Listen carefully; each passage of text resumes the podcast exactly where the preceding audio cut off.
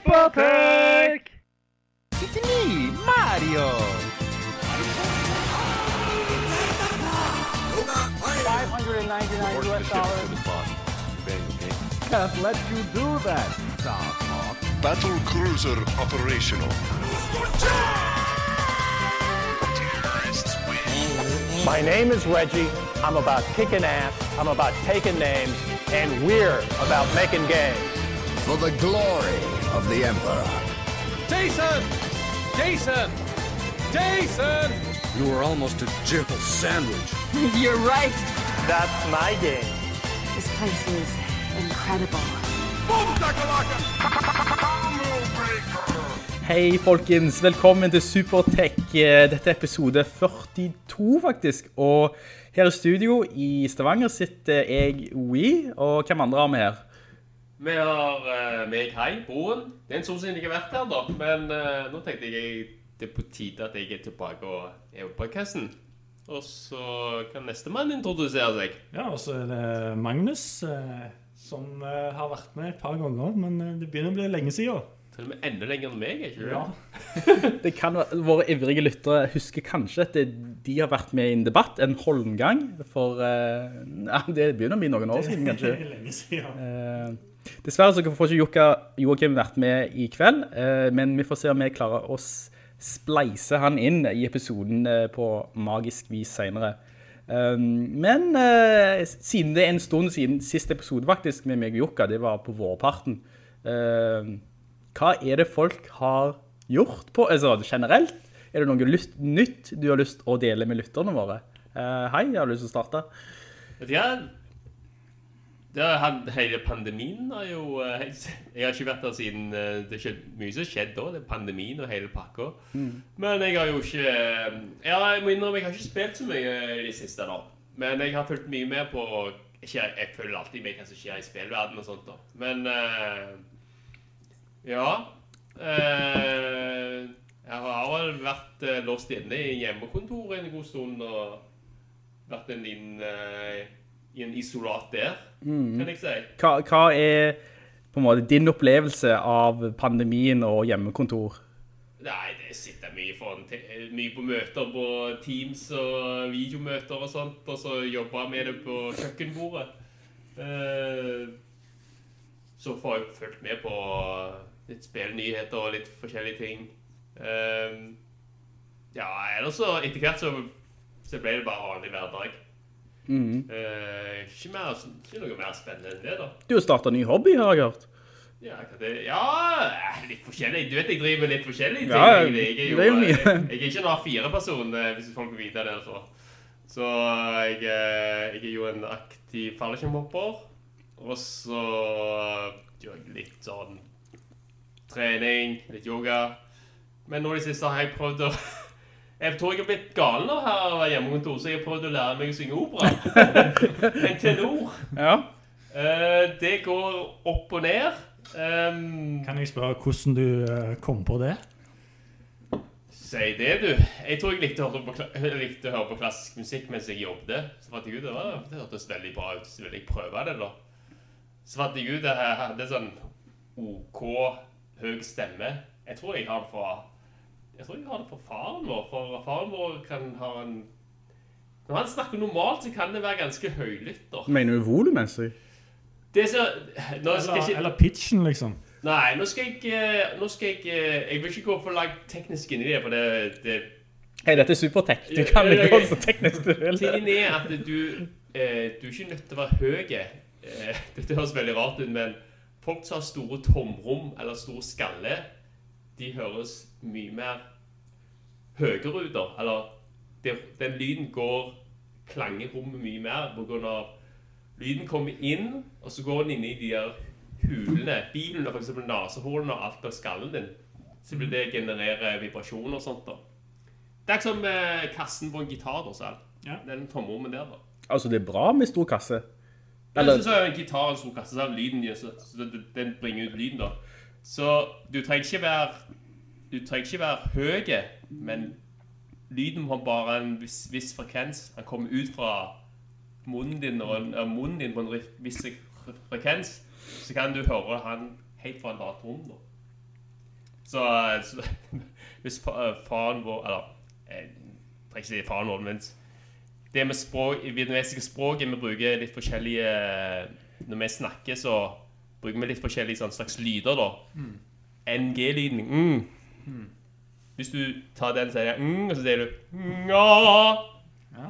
så vil den lyden der Den vil, den vil, bare, den vil egentlig skyte ut mot rommet, da.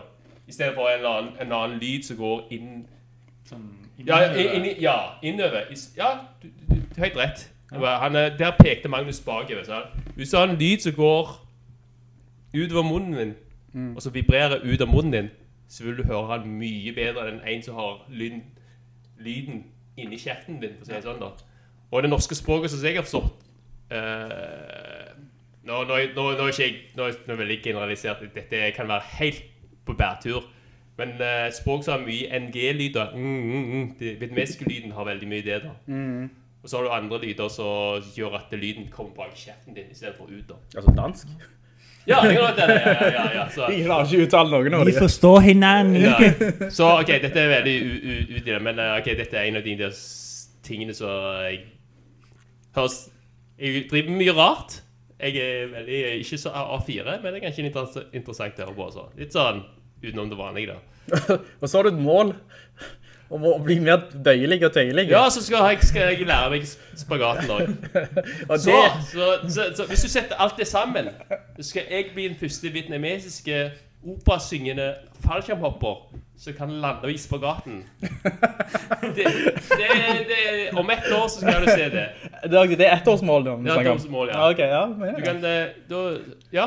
Jeg tror det er fullt mulig å slå sammen de to hobbyene. Sånn, når du går i spagat, så kommer kanskje sånn Syng høyere da. Så. så, Og så skal de høre meg når jeg flyr bort til den fallskjermen min. Så. Så, så lander jeg i spagaten. Så, så det er Tenk Tenk hvor unikt det hadde vært. Jeg hadde betalt for det selv, altså.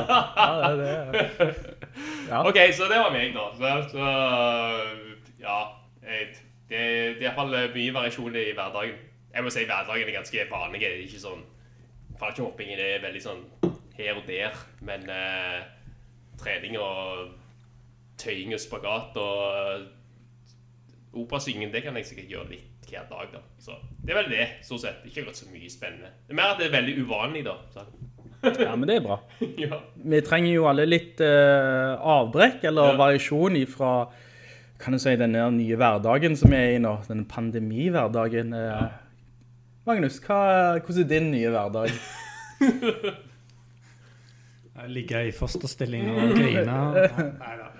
jeg fikk, fikk, fikk meg også faktisk en ny hobby eh, under pandemien. Jeg, eh, jeg, vet, jeg klarer ikke helt å forklare hvordan, men jeg begynte å spille piano. Å, jaså? Ja. Det, det dette var interessant. Altså, eller jeg har ikke piano, da, men jeg har keyboard. Så jeg har, og så har jeg skrevet på alle notene på keyboardet. Så det er ikke sånn Ja, hvor er C4 da? C4 Det- det. Du, vet, du vet jo hva C4 er, sant? Jeg vet ikke hva C4 er. Det er middle C Med keyboarden. Ja, det er vel kanskje det eneste som står fra før, er det ikke det? Jeg trodde, jeg, jeg trodde, jeg trodde alle som drev med piano visste hva det er. Middle C er den der midten, sa Er, er det tangenten som er midt på pianoet? Ja, Ah, ja. For det er forskjellige C-er. Ja, den er hele den er til Så middel. den middel C er liksom den perfekte eh, C-en. den midten, ja. Mm. Så ja, det, for jeg, jeg, jeg er jo litt mer inn på det når jeg driver med denne operasyngingen. Ja. Men eh, ja, så du vet at det er delt. Ja, fortell meg litt om pianospilling. Nei, Hvor- kanskje, hvor- kanskje du forteller meg nei, nei, nei. nei. Nå var bare jeg så jeg prøver. Men uh, hvor lenge har du begynt, uh, holdt på med det? Eller sånn, eh, hvor tid begynte du? Ja, det var jo under pandemien i eh, hva, sånn, De stengte landet. Mars. Og såpass, det er jo en stund det. du. Men eh, det har ikke blitt så mye eh, i det siste, da, siden jeg Ja. har også begynt på universitetet i Stavanger. Mm. UiS. UiS. Mm. Eh, på et årsstudium der i historie. Prøve noe. Det, det, der blir vi også påvirka av pandemien. Da har vi jo Eller nå ble jo alt digitale. Fra og med Mm. i går så ble alle forelesningene våre digitale. og eksa Eksamenene var allerede digitale, altså vi skulle ha det. Mm. Så eh, du mister jo det her sosiale da med, Ja. med skolen som eh, Ja, Du får ikke det gjennom Zoom, for å si det sånn. Mm. Men eh, ja, så jeg har ikke spilt så mye piano da. Men eh, det jeg lærte meg i sommer var de, de begynnelsen av eh, Jeg kan jo egentlig ikke noter eller noe sånt. Mm. Jeg har liksom juksa. Men jeg har lært meg begynnelsen av Alan Walkers Faded. Wow. Jeg har ikke hørt den sangen. Det må jeg- si, det sier- ikke meg så mye, men uh, Det er sikkert en fin sang. Det er sånn populærmusikk Det er populær populærmusikk. for kids og nå til dags. Det er sånn ungdommen nå til dags Ja. liker. Er- Hvor vanskelig er det å uh, bruke begge hendene? For en, jeg prøvde den en gang, og jeg, det som var vanskelig med meg var høy, altså å koordinere begge hendene. Ja, jeg det var helt sinnssykt. Jeg har ikke fått helt roen på det. Ja, jeg ja, spiller ja. hovedsakelig med høyre nå, egentlig. Ja, stemmer. Bruker du fettene også? Nei, hva, hva skulle jeg ha keyboard, er ikke piano? Det er ikke, det er ikke en helt piano som ser i Ja, ja, ja, ja, ja. Det er ikke Keyboard, liksom, Ja, ja. som har i eh, leiligheten. Ja, ja, nå så jeg for meg eh, at det var et piano. Eh, Men har, har du sånn fancy sånn, sånn rytmer, sånn du, tikki, du, du, Ja, ja, selvfølgelig. selvfølgelig. Men når jeg kommer borti det, så blir jeg bare irritert. Fordi jeg vil jo spille selv. ja, ja, det er veldig kjekt med sånne keyboarder. Ja, og eh, hvis jeg skal oppsummere året så langt, så 2020 would not recommend. Mm. Ja, det eh, Når vi kommer opp til rundt tall eh, symmetrisk, symmetrisk tall som det er 2020 Jeg forventa ikke dette. Og jeg har Året har, har vært helt bananas, for å si det sånn. Ja, altså, vi, vi gikk jo, det var, altså 2019 var i fjor, vi gikk inn 2020 med håp, sikkert, og 2019 var bra. det, det, vi tenkte, ja, ja, men dette blir sikkert bra år. ja. Jeg, Eh, kan, eh, jeg fikk kanskje en liten sånn forsmak på 2020, for jeg var eh, på nyttårsfest hos en kompis som jeg som bor på Storhaug. Mm. Vi har kjøpt et hus der, og når jeg skulle gå hjem, han har liksom kjellerne leid ut, så han har liksom fra, først, fra andre etasje oppover, så var det litt bløtt, så jeg ser det, så jeg tar godt tak i rekkearket på trappa, og så tar jeg tre skritt, og så sklir jeg dun, dun, dun, ned trappa.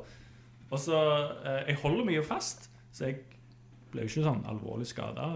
Eh, så du kan jo si at jeg sklei inn i 2020 med et smell. Og eh, det var kanskje en liten sånn forsmak på hva som kom, eh, kom til å møte oss. Så, så vi skal skylde på deg, egentlig, da? Ja, altså, ja, at jeg burde ha sagt det før. Ja. jeg tipper eh, han ga, ga oss en bad omen på hele året der, tror jeg. Ja. 2019 var et bra år, så tenkte jeg at 2020 kan jo ikke være verre, eller?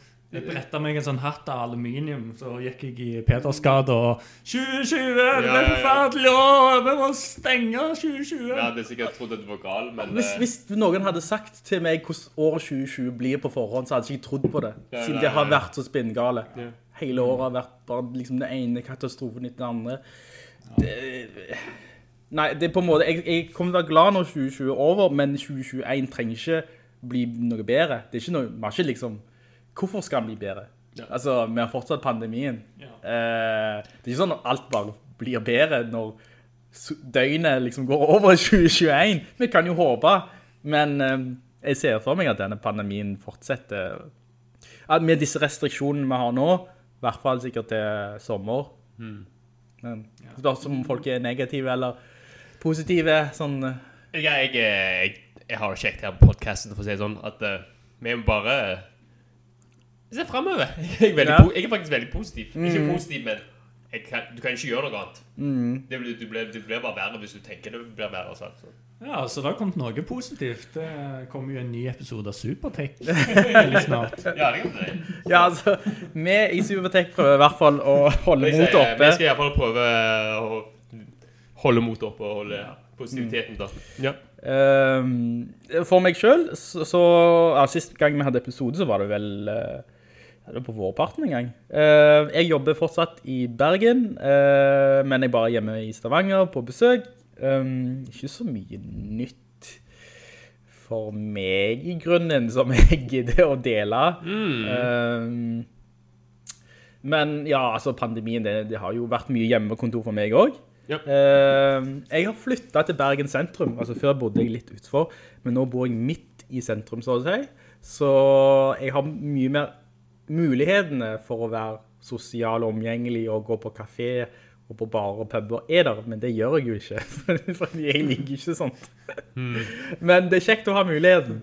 Money well spent! um, Det hjelper ikke med pandemien heller nå. ja, ja, men alt, alt mye, mye er jo stengt eh, på grunn av pandemien. Og i hvert fall i Bergen og Oslo er det jo helt uh, sinnssyke tilstander nå. Altså, den der, Uh, smittetallet stiger jo til vers. Ja, akkurat når vi spiller inn denne episoden, er akkurat eh, dagen etter fredag, fredagen der de har hatt pressekonferanse om at Bergen og Oslo eh, skal de stenge ned treningssentre og diverse ting, da. Så det her med akkurat, når, når vi spiller episoden, så er det akkurat da det skjedde. da. Ja, det var egentlig det jeg skulle si. At eh, det Ja. er jo, de har jo stengt ned, eller de skal stenge ned både Oslo og Bergen. Kanskje Stavanger, vi får se. Ja, de har jo varsla noe på eh, ja, den mandagen som kommer. Ja. Men eh, Ja. vi får se. Er det noe annet eh, Nei, eh, aktuelt? bare en siste ting som eh, vi kan eh, ha litt sånn utblåsning om, og det er jo at eh, USA har fått en ny president. Var det det, ja? Ja, det er nå Jeg vil si det offisielt, og det er flere nyhetsbyråer og, som sier at eh, Biden har Men blitt Men uh, Trump sier det motsatte, han- We. Trump Eh, sier- Hva, hva, hva Ja. snakker om, We? Han, eh, han, er, han er sannhetens ord. Han er, han er Det er ingen som sier noe mer sannheter enn han. Som alt annet med Trump, så må vi ta det med et eh, lasteplan med salt. Eh, fordi han er jo spinnhakka gæren. Eh, og bare fordi han sier at alt er juks, og vi skal gå rettens vei, og at han er blitt uh, juksa eh, for et eh, rettferdig valg, så, så tror jeg ikke resten av USA kommer til å gå med på det. Hvor, eh, Det, Men hvor har du disse, disse faktaene fra, Vy? For eh, Donald Trump han skrev på Twitter senest i dag I won the election by a lot. Altså, Han skriver det på Twitter. Da må det være sant. Altså, det finnes jo sånne uh, nøytrale valgobservatører som har sett på dette, og de har sett null tegn til at det har vært eh, juks, eller at det har vært innblandinger. Bortsett, bortsett fra noen sånne Trump-folk som prøvde med mm, våpen å storme et sånn valglokale. Ja, det var i Detroit jeg leste det. Ja. De skulle prøve å få de til å ikke telle disse poststemmene som de mener Så- er ikke så ekte stemmer. ja, så den valgjuksen kommer jo egentlig fra de, altså. Og det er jo det Trump har gjort hele tiden. Altså det er projection. Altså de, alle de problemene som de sier at alle andre gjør, det er egentlig noe de gjør selv. Ja, ja. De har gjort dette i fire år nå. Han, han, han, han kan bare ikke tape med klasse. Det er ingen klasse på mannen der. Hvis du skjønner så- En video som har blitt uh, spredd på sosiale medier i det siste, uh, er jo McCain sin eh, tale etter at han har tapt mot Obama. Og Da ser du jo at han, eh, han taler til sine følgere, og han sier liksom at eh, at jeg, eh, at jeg har tapt liksom mot Obama. Og da, selvfølgelig buer jo hans eh, Ja. til, tilhengere. Men han sier nei, hør, hør. Meg og Obama, vi elsker begge USA. Vi har kjempa liksom begge for det der. Og så liksom han Det er liksom forskjellen på en god og en dårlig taper. Sant? Altså at eh, sant? Jeg, jeg tror ikke Trump kommer til å innrømme at han har tapt valget. Altså, jeg tror de må bære han ut av Det hvite hus hvis de skal Jeg få han ut. jeg tror årene framover er ikke tiden framover, kanskje, kanskje årene framover. Han kommer til å nevne dette hele tida. Ja. Jeg er egentlig den verdige vinner, hadde ikke vært på jukset. Så han kommer til å nevne dette ganske mye fremover. Han, han, har han, har- han, I hans hode har ikke han tapt. Han har bare tapt pga. juks. Ja. Men han, han, er bare, han er bare en dårlig taper. Han, han, ikke, han tar ikke med klasse, rett og slett. Han tweeter jo at hvis vi telte bare de ekte stemmene, så vant jeg valget. Mm. Han mener jo at disse ekte de som stemmer liksom fysisk på valglokalet, det er de ekte stemmene, mens de som stemmer til post, som mange av de liksom, aller fleste liksom, Biden-supportere ble anbefalt å gjøre, liksom, at eh, ikke møte opp fysisk, da eh, De stemmene skal vi ikke telle med. Så eh, meg og deg hjemme spiller jo Fantasy. Ja. Jeg vet ikke om du så hva Southampton tweeta i dag kan Men jeg de, er, de er jo på toppen av Premier Ja, ja, ja, League-tabellen ja, ja. nå. Så liksom eh, Fordi de tweeta at eh, eh, Jeg kan finne det. Ja, det, de, de spilte i hvert fall på det eh, Trump med de at- De mente sikkert at de var de ekte Ja. tabellederne. Ja, ja. at liksom nå, nå trenger vi ikke telle. De var på topp nå. De var på topp. Før, før alle andre hadde spilt, ja. Ja, Ja, de har en kamp mer Ja, de har en kamp mer spilt. Og så, det, er ganske løye, det, da. Nei, det er typisk Trump, altså. Altså, alt som går i hans fordel, det er sant, og alt det som ikke er, går hans vei, det er fake news, det er ikke sant, og alt er en konspirasjon. Og eh, problemet, altså folk som analyserer valgene og resultatet, sier jo at ja, nå vant jo Biden heldigvis, men du har faktisk nærmere 50% av landet som faktisk har stemt på Trump og mener han har gjort en bra jobb, og mener han er den legitime presidenten. Så det blir en utfordring å samle landet når halvparten mener at Det Trump er den beste lederen. Altså, han har fucka opp denne kan du si, pandemiresponsen så inn i granskauen. Altså, han har jo fått latt folk dø, eh, og så har du denne Black Lives Movement, Black Lives Matter. Altså, det landet er jo i krise, men allikevel så mener halvparten av landet at han har gjort en strålende jobb. Det er splitta. Ja. Eh, det, det valget viser nå at det er, hvis Biden kommer til å ha en vanskelig jobb med å forene hele, hele, ikke hele landet, jeg holdt på å si verden, men Ja, men det er jo nesten det òg. det, er- det er en vanskelig jobb for han. Jeg tror nesten så, så, så, så valget viser seg nå at det er så 50-50 at det, det er nesten mulig å forene landet til en Så at det blir harmoni, da. Men eh, jeg tror du har, har, er innpå noe òg, at han må forene ver, eh, USA med verden òg. Ja. Trump har jo gjort seg uvenn med alle verdensledere. der Bortsett fra Kim Jong-un eh, Putin, og Putin. og kanskje litt eh, Kina. Nord-Korea. Ja, sant? Han har veldig lugrub... Altså, han, han liker jo sånne despotter og diktatorer. Det er jo hans stil å styre på, egentlig. Han skulle ønske han var en sånn type diktator. Eh, og, og han vil... Altså, hvis, han- hvis han vi hadde fått sånn som han ville, så hadde han jo vært USAs eh, president resten av livet sitt. Altså, jeg tror eh, Trump er ganske misunnelig på Putin, fordi eh, Putin hadde jo For i Russland kan du jo òg bare sitte i to presidentperioder på seks, altså seks år per periode. Og måten Putin løste det på, var jo at hadde, han hadde jo han der Medvedev. Så satt Putin to perioder som president, og så med Medvedev som statsminister, og så bytta de. Ja. Så en sånn karikaturtegning var liksom Putin som kjører bil, og så står det Medvedev ba i baksetet. Ja, kan jeg få kjøre nå? Så jeg føler Trump han skulle ønske at han ha- kunne gjort sånn i uh, USA. At han kunne bare bytte med noen, uh, så han kunne stå det i evig tid. OK. Ja, Det- Det er eh, litt politi, eh. Politikk, ja, jeg følte det var bare så store nyheter i dag, og jeg, jeg har ventet så lenge på denne dagen der jeg, på en måte Trump skal, altså han, nå går vi jo inn i en periode som heter lame duck, Eh, jeg vet ikke om dere har hørt om den. Nei, faktisk ikke. Det betyr bare, altså perioden mellom du faktisk har tapt, og til du, til en ny overtar. For altså, eh, han har jo tapt nå, ja, men han er jo fortsatt president ut november og desember. Og folk frykter han kommer til å gjøre så mange rare ting. Han kan liksom bare styre det ene og det andre retning, bare fordi han har ingenting å tape nå, sant? Han har tapt. Ja. Han kan nå, altså, noen sier at uh, han kommer til å uh, dette er bare spekulasjon, men han kommer til å gi fra seg uh, på en måte presidentskapet til Pence, sånn at Pence kan benåde han for alle de der forbrytelsene han har gjort. Ja, ja, ja. ja. Ja, sant? Men det er på en måte en, hans, en av hans utveier ut, ut ifra, på en måte, for han vet jo sikkert at folk kommer til å gå etter han. Når han blir en, på en måte en sånn privatperson igjen, så kommer folk til å gå etter han med alt de har, og hva kommer han til å gjøre? Han kommer ikke til å på en måte ta ansvar for det, så han kan rømme, eller kanskje han blir benådet av Pence, som er sittende president, eller altså, eller så forsvinner han ned et hål, eller så rømmer han til Russland, jeg vet ikke. Kan gjøre sånn som nazistene. Argentina og en ansiktstransplantasjon. ansiktstransplantasjon. ja. Mm. Så men, når vi spiller inn i denne podcasten, så er det faktisk Det er vel eh, på dagen at han, eh, Biden er blitt utnevnt som Mm. president. Ja. Han hadde en takketale. Eh, Jeg har ikke, Ja. jeg har ikke hørt hele, men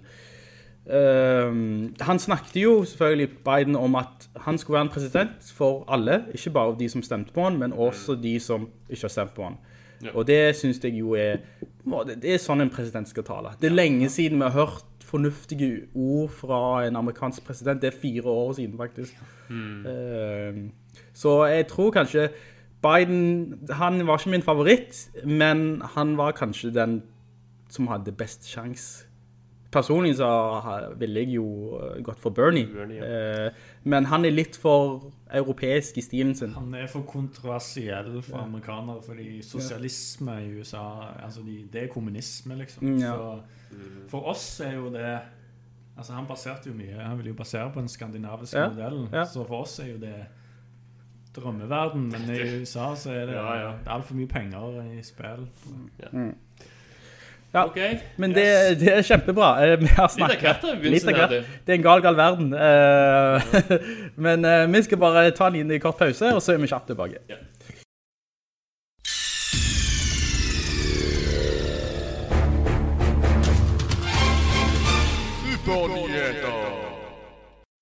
Ok, folkens, vi er tilbake. Vi har midt i en god historie her. Men vi tar det litt, spol litt tilbake.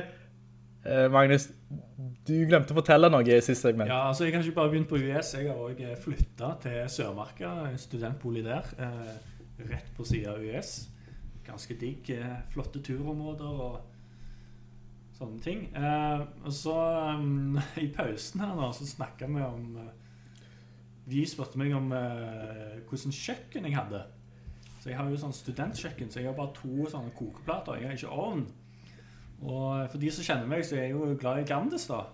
Så hvis jeg skal lage Grandis, så må jeg opp i fjerde etasje, der det er fellesrom. Eh, ikke så gale det, å ta heisen. Så jeg husker første gang jeg skulle gjøre det, da, så um, tok jeg heisen opp og liksom må varme opp ovnen. og det var en sånn stol som satt der, så jeg bare satt egentlig foran ovnen og venta på at den skulle, den skulle bli varm nok. Og så kommer det, kommer det tre jenter inn, da, og så sier hun til meg eh, Du, har du uh, booka fellesrommet? Jeg bare Nei. Nei, det var godt, for det har vi.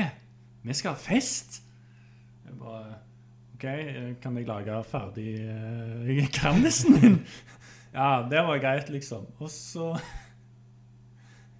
Så um, planen min var jo egentlig å sitte her oppe og spise, men det ble sånn skikkelig klein stemning. Jeg merker at de, de ikke ville ha meg der. så, så, jeg, så jeg tar liksom Grandisen opp på, pannen, på, opp på pappen. Ja. Så jeg springer liksom Tar liksom heisen ned i fire etasjer med en varm Grandis i fanget.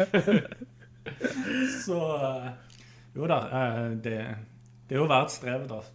Det, det er det. Du er veldig glad i Grandisen, høres det ut som. Ja. Men spiser du mindre Grandis nå, fordi du må liksom opp et par etasjer? altså, har konsumet ditt Ja, gått ned? ja, vi har jo det. Og så har jo eh, han eh, fastlegen min, eh, dr. Ødker, han har jo sagt at jeg må spise litt variert. Så jeg spiser også Big One og Pizzabageren og Domino's og Det var en spøk. Ah, ja, ok. Jeg trodde du faktisk spiste mer pizza, eller mindre pizza. Dr. Ødker er jo en pizzaprodusent. Ja, ja, ja. Det, det er det vi kaller variert kosthold. da. Variert kosthold, ja. Ja. Jeg, jeg føler jeg spiser mindre Grandis nå enn jeg gjorde før, siden det er litt sånn tiltak å faktisk eh, lage Grandis. Mm. Så sånn sett så er det jo ganske bra. Eh, men du kan jo lage mye flott med kokeplater. Eh, Ja. Har du mikro? Det er også en sånn... Det har jeg. Ja, det er, det er, du kan få til mye godt med en mikro, faktisk. Ja, eh, det mikro mest eh, perfekt, altså fantastisk, det er jo å varme opp rester med. Mm. Hvordan varmer folk opp rester som ikke har mikro? Jeg eh, forstår ikke. Oui, du har jo en sånn uh, varmluftsgreie. Ja, sånn frityr, Det eh, er den airfryer-greie. Airfryer, ja. ja fortell, fortell han, Magnus, hvordan airfryen er den bra? Er For, fortell. Nei. Eh, Si, si, Sell, sell me. selv, han, eh, han i en uh, studenthybel. Uh, Um, verdt å i en sånn airfryer? Den, den tar jo opp volum eh, på kjøkkenet ditt da. Så hvis du har plassproblem, så er det ikke sikkert du har plass til både en mikro og en eh, eh, airfryer da. Jeg vil jo si, for det, det er litt sånn, kan du si, spissa kjøkkenredskap. Eh, du, ting du putter inn i ovnen, kan du for så vidt putte inn i en airfryer. Eh, som pommes frites, pølse, hamburger, bacon, for så vidt. Kanskje en frossenpizza, men du har bare ikke det samme volumet. Um, Kan vi Sant. kombinere den airfryeren inn på en annen seksjon av hybelen din? Kanskje inne på siden av TV-en din, eller i baderommet? Altså, nå, nå snakker du som om den hybelen min er kjempesvær. ja. Det er liksom ett rom, soverom, eh, kjøkken, stue, og så baderom. Airfryeren inn i baderommet? Ja, i dusjen. altså, jeg, jeg- jeg vil si at det, det, den funker veldig bra, for han friterer ting uten olje, eller minimalt med olje i hvert fall, og så får han ting til å bli sånn crispy. Uh, så det er jo bra, men, men du kan ikke varme ting som du gjør i mikro. Men ikke nok med det. Bestiller du nå, så får du også med en To for en! to for en. Ja, jeg skal ikke være sånn TV-shop eller sånn. TV-shop, ja. Men eh, jeg, jeg tror kanskje mikro er mer allsidig. Det tror jeg òg. Hurra for mikrobølgeovnen. Uh, og mikro... Mikrobølg... Altså, det er jo mikrobølger når vi først er inne på det. Altså, det er jo... Har folk tenkt på det? At det er jo... Mikrobølgeovn kommer jo fra mikrobølger som er en form for... Det var varmefrekvens eller noe sånt. Som gjør at ting blir varme opp innenfra. Har dere sett det programmet vet ikke om det går lenger. Ikke gjør dette hjemme. Som gikk på NRK. Ja, Jeg har sett noen episoder. Der eh, tar jo sånn der et svært stykke med sånn Hva er det sånn Hva er det, gris eller sånn som henger sånn da. Så skulle de steike en sånn mykebølgeovn. Så de liksom tok av dørene på sånn masse mykebølgeovn, Og de klarte faktisk å steike en hel gris. Ved å sende mikrobølger på den. Med å liksom sette ovnene inn Altså, de, må ha, de gjorde noe med dørene. Ja, ja, ja, ja. For du kan jo ikke hmm. bruke en en åpen dør. Men Ja. de gjorde noe sånn lurte systemet der. Så du kan faktisk Så det sier jo hvordan teknologien er. At det er mikroteknologi. Mikrobølger. Interessant. Ja, og noen sier jo at de, det kommer fra det utomjordiske teknologi da. Sånn Area 51. Det er der vi fikk det fra. Ja, ja, ja. For- Sånn er konspirasjonsfolk. Jeg vet ikke hvordan mikrobølger. Vet du hvordan mikrobølger? Velkommen til konspirasjonspodden. Ja, det er en annen type podcast vi holder på med nå. Ja, det var eh, Plutselig så var det der. Altså, jeg vet ikke. Jeg vet ikke. Jeg, vet ikke. jeg synes det var litt løy å snakke om. Ja. Det er mye, mye teknologi som bare plutselig er der, og som jeg egentlig ikke forstår. Det bare Som funker. forklarer du radiobølger i? Ja, men det er jo, det er jo noe av det samme. UFO-teknologi. Det er jo noe av det samme. Radiobølger og mikrobølger, det må jo være kanskje forskjellig frekvens. Eller altså noe... Det er bølger, da. Det er bølger, Bølgeteknologi, og altså. bølger går gjennom lufta. Eller det kan jo også gå gjennom materie, så vidt. Åh, nå, nå, nå tar du drar meg tilbake til fysikktimene nå. Bøl, det er jo bølger, det er jo noen bølger som ikke går gjennom oh, hva slags type stoff er det? Betong. Ja, noe sånt. Det stopper jo det, da. Men eh, hvis jeg uh, Jeg husker det da jeg leste på det, som var veldig interessant, i hvert fall. Bølger og sånt. Nei, men uh, er vi ferdige med, med Grandiosa-historien din. Hæ? Så det ble Jeg trodde du skulle se Ja, OK, så det var Jeg trodde det skulle bli en orgie. ja. Det, det, var der, det var der retningen gikk i. ja, Eh, Du sa tre damer inn, så ja, tre damer, fest, eh, og du med Grandisen. Å ja, ja. Ja, ja, ja. Ja, Han men hadde, eh, han hadde en orgi med Grandiosa. jeg fortalte jo ikke historien ferdig. Det sa jeg This orgy is sure off to a slow start. Og så Ja. Jeg var liksom han eh, Han der pizza delivery guy, bare at jeg hadde Grandis. Ja, ja. You ordered extra large sausage, eller? eller With extra cheese. ja, ja. Ja, det ble ikke noe orgie. Men, men det er jo kjekt å, å bo på sånne studenthjem. Altså, før i tida så kunne du treffe folk i hvert fall. ja. Det kan du ikke nå. Nei. Men altså, sånn, ja. men kan du gå til fellesrommet og bare liksom, hei, hvordan går det? Ja, du kan jo det. Men eh, Det er ingen som gjør det. det er ingen som gjør det. Nei, det er, jeg synes det er synd på... Eh, Eller de gangene jeg har Altså utenom denne her eh, Grandis-incident, så de gangene jeg har vært på fellesrommet, det er jo bare de utenlandske Altså ut... Altså, ja, hvordan sier de pent? Utenlandske studenter som henger der. Ja. Så eh, de er hyggelige, de òg, altså. Ja, du, eh, hvor lenge har du tenkt å bo der? Altså, Det blir bare dette året du studerer du har tenkt å bo der? Eller? Eh, I første omgang så er det jo Ja, bare ett år. ja. Så får vi se. Ja, Det kan, okay. kan plutselig bli mer. Ja. Altså, se på vi. Hvor mange, ut, hvor mange år høyere utdannelse har ikke han? Eh, Litt for mange. 20? 30? Jeg har gått ut av telling. Det betyr at det er aldri for sent til å prøve noe nytt, Aldri. eller starte for, forfra. Aldri for... Ta det fra meg. Det er aldri for sent å, be- å starte på noe. Mm. Det er alle kjører sitt eget Nei, men det er jeg helt enig i. Det er aldri Til dere som hører på, at det er aldri for seint å begynne med en ny hobby eller ny utdannelse eller ny jobb, eller uansett. Kjør din egen lane. Du skal jo drite i, du skal jo drite i hva, hva andre mener og sånt også. vel. For da Du blir aldri deg sjøl, og så Ja. Det er ikke deg, da, for å si det sånn. Men eh, nå går vi litt ut i tangenten her, da. Men, Vi skal jo snakke om spill. Ja, så da blir det veldig sånn eh, Men eh, dette er litt sånn uh, utblåsning, litt diskusjon. Men nå spillverden, hva som foregår der, da? Skal, eh, eh, vi hadde en interessant vinkling på dette, vi snakket jeg og hei, at eh, kanskje eh, du, Magnus, som du kjenner jo godt til gamle spill, jeg ser du har en t-skjorte, det står Classically Train med Nintendo eh, 8-bit-kontroller. Jeg skal kommentere den der eh, T-skjorten din. For det, for det vet du hva det uttrykk Jeg vet ikke om det kommer fra Jeg vet iallfall classically trained.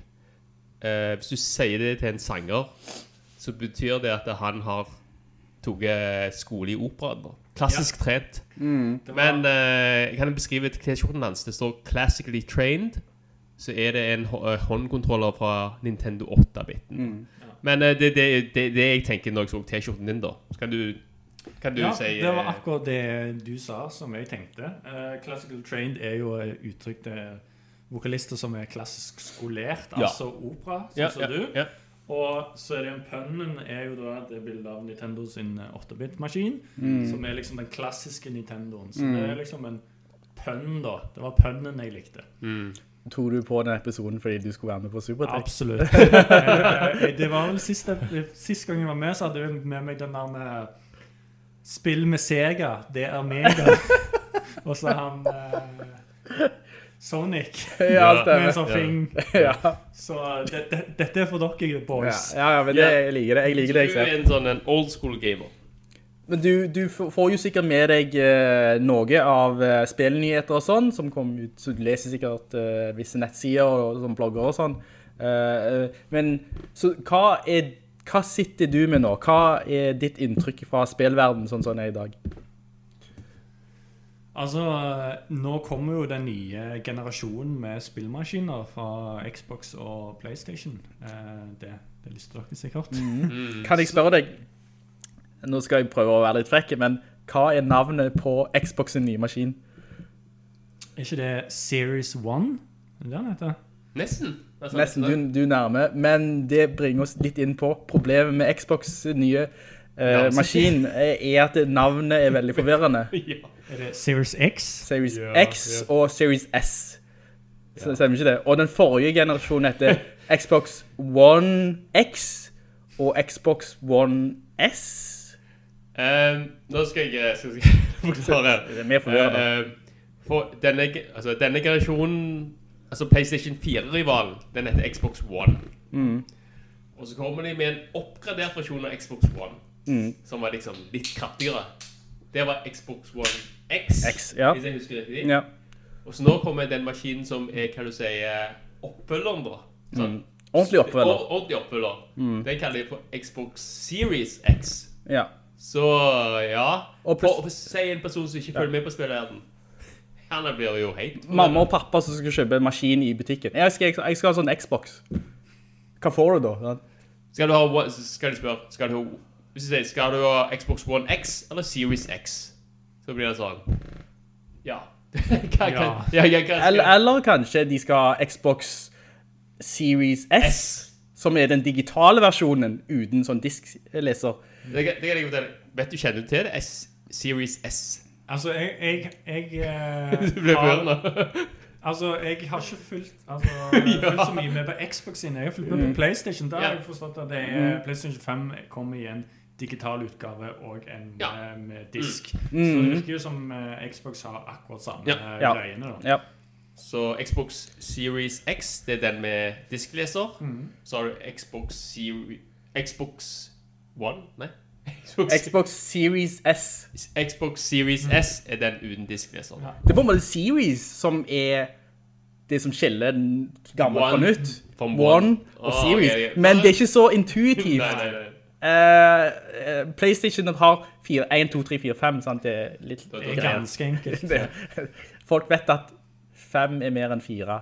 Altså, da, eh, Xbox burde kanskje, siden PlayStation har liksom uh, tall Xbox burde kanskje begynne med alfabetet. Xbox A, Xbox B, Xbox C. Ja, altså, det blir ja. lettere å følge med, i hvert fall. Ja. Uh, hva skal jeg si? Uh, ja, du vet jo at eh, PlayStation også har to versjoner. Eh, og vet du prisen på noen av disse maskinene som kommer snart ut?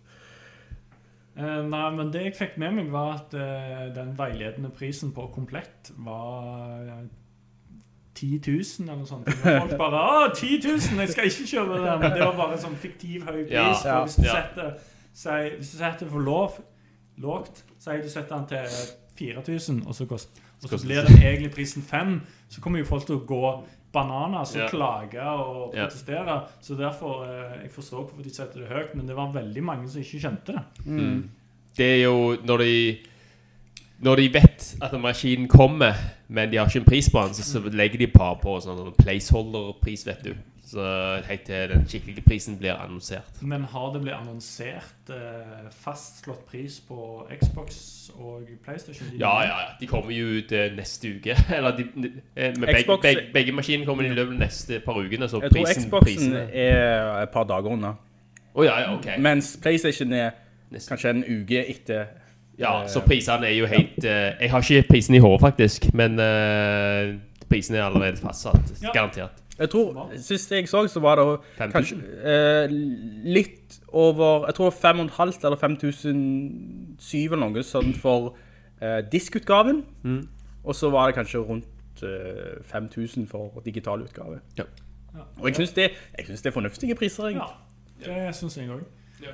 Men jeg eh, leste òg en ting at uh, PlayStation eh, hadde, det hadde sendt ut eh, Jeg vet ikke om dere har fått med det, sendte melding ut til forhandlerne at eh, de ikke får lov til å selge PlayStation i fysiske butikker. Ja, jeg, jeg At det var et krav Mm. pga. smittevern og sånn, at eh, du kun kunne selge de online, liksom.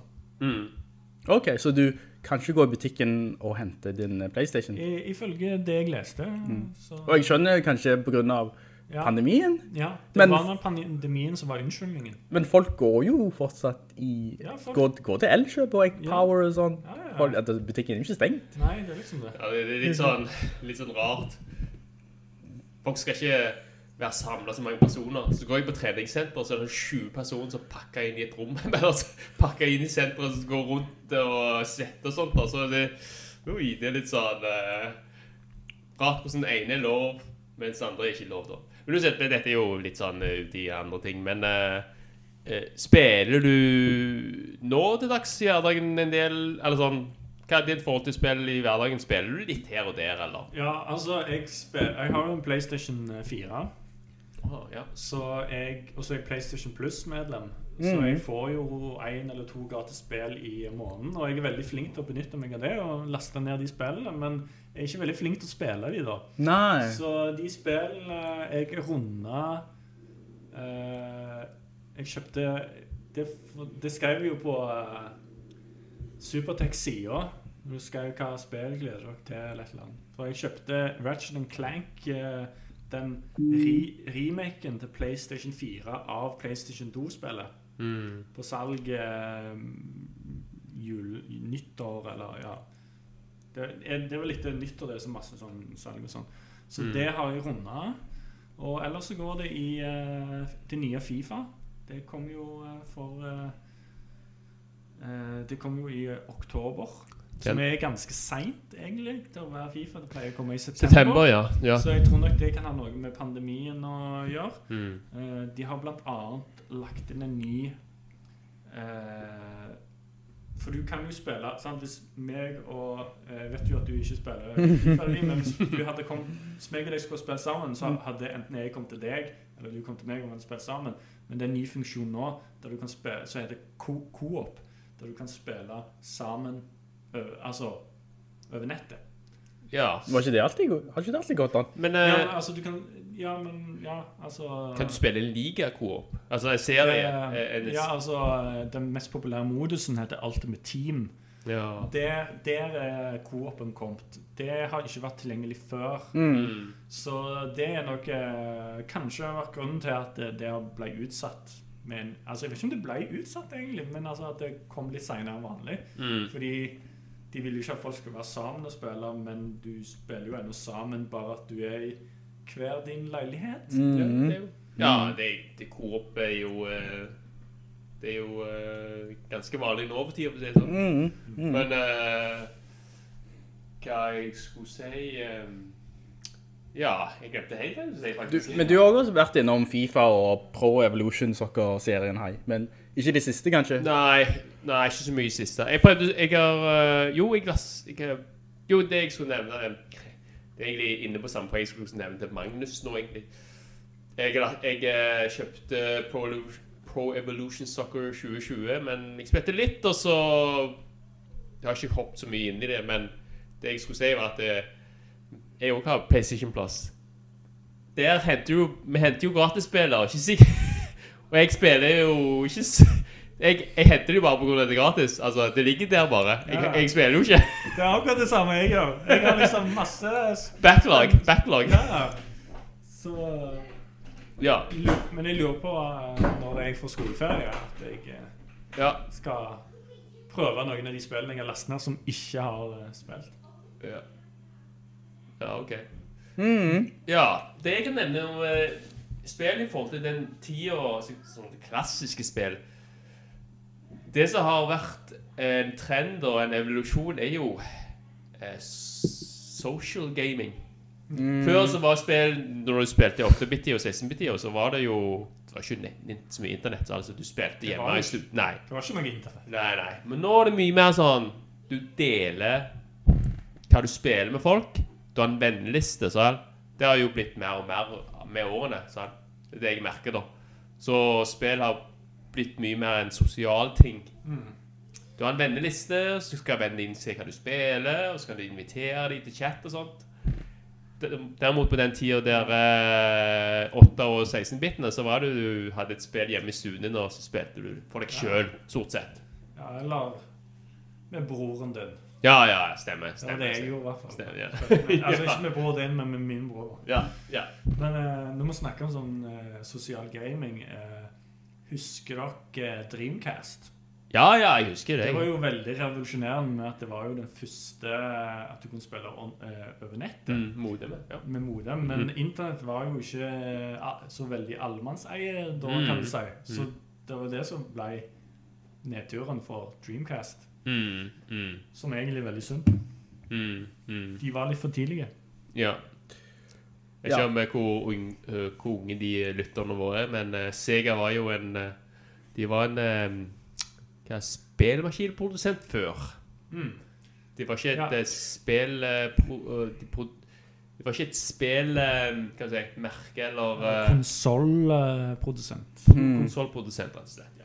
For folk som er, har lyst til å lære mer om kan si, utviklingen og evolusjonen av TV-spill, så finnes jo en kjekk eh, dokumentarserie på YouTube. Mm. Eh, er det noen som har sett den? Nei. Nei. Eh, jeg husker ikke navnet på den, men Ja, eh.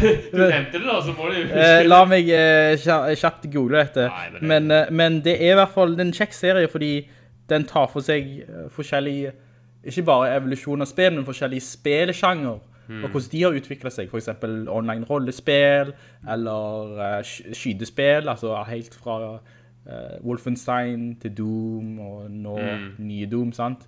Og på en måte sånn TV-spill vold, hvordan det, folk har forandret synet på det.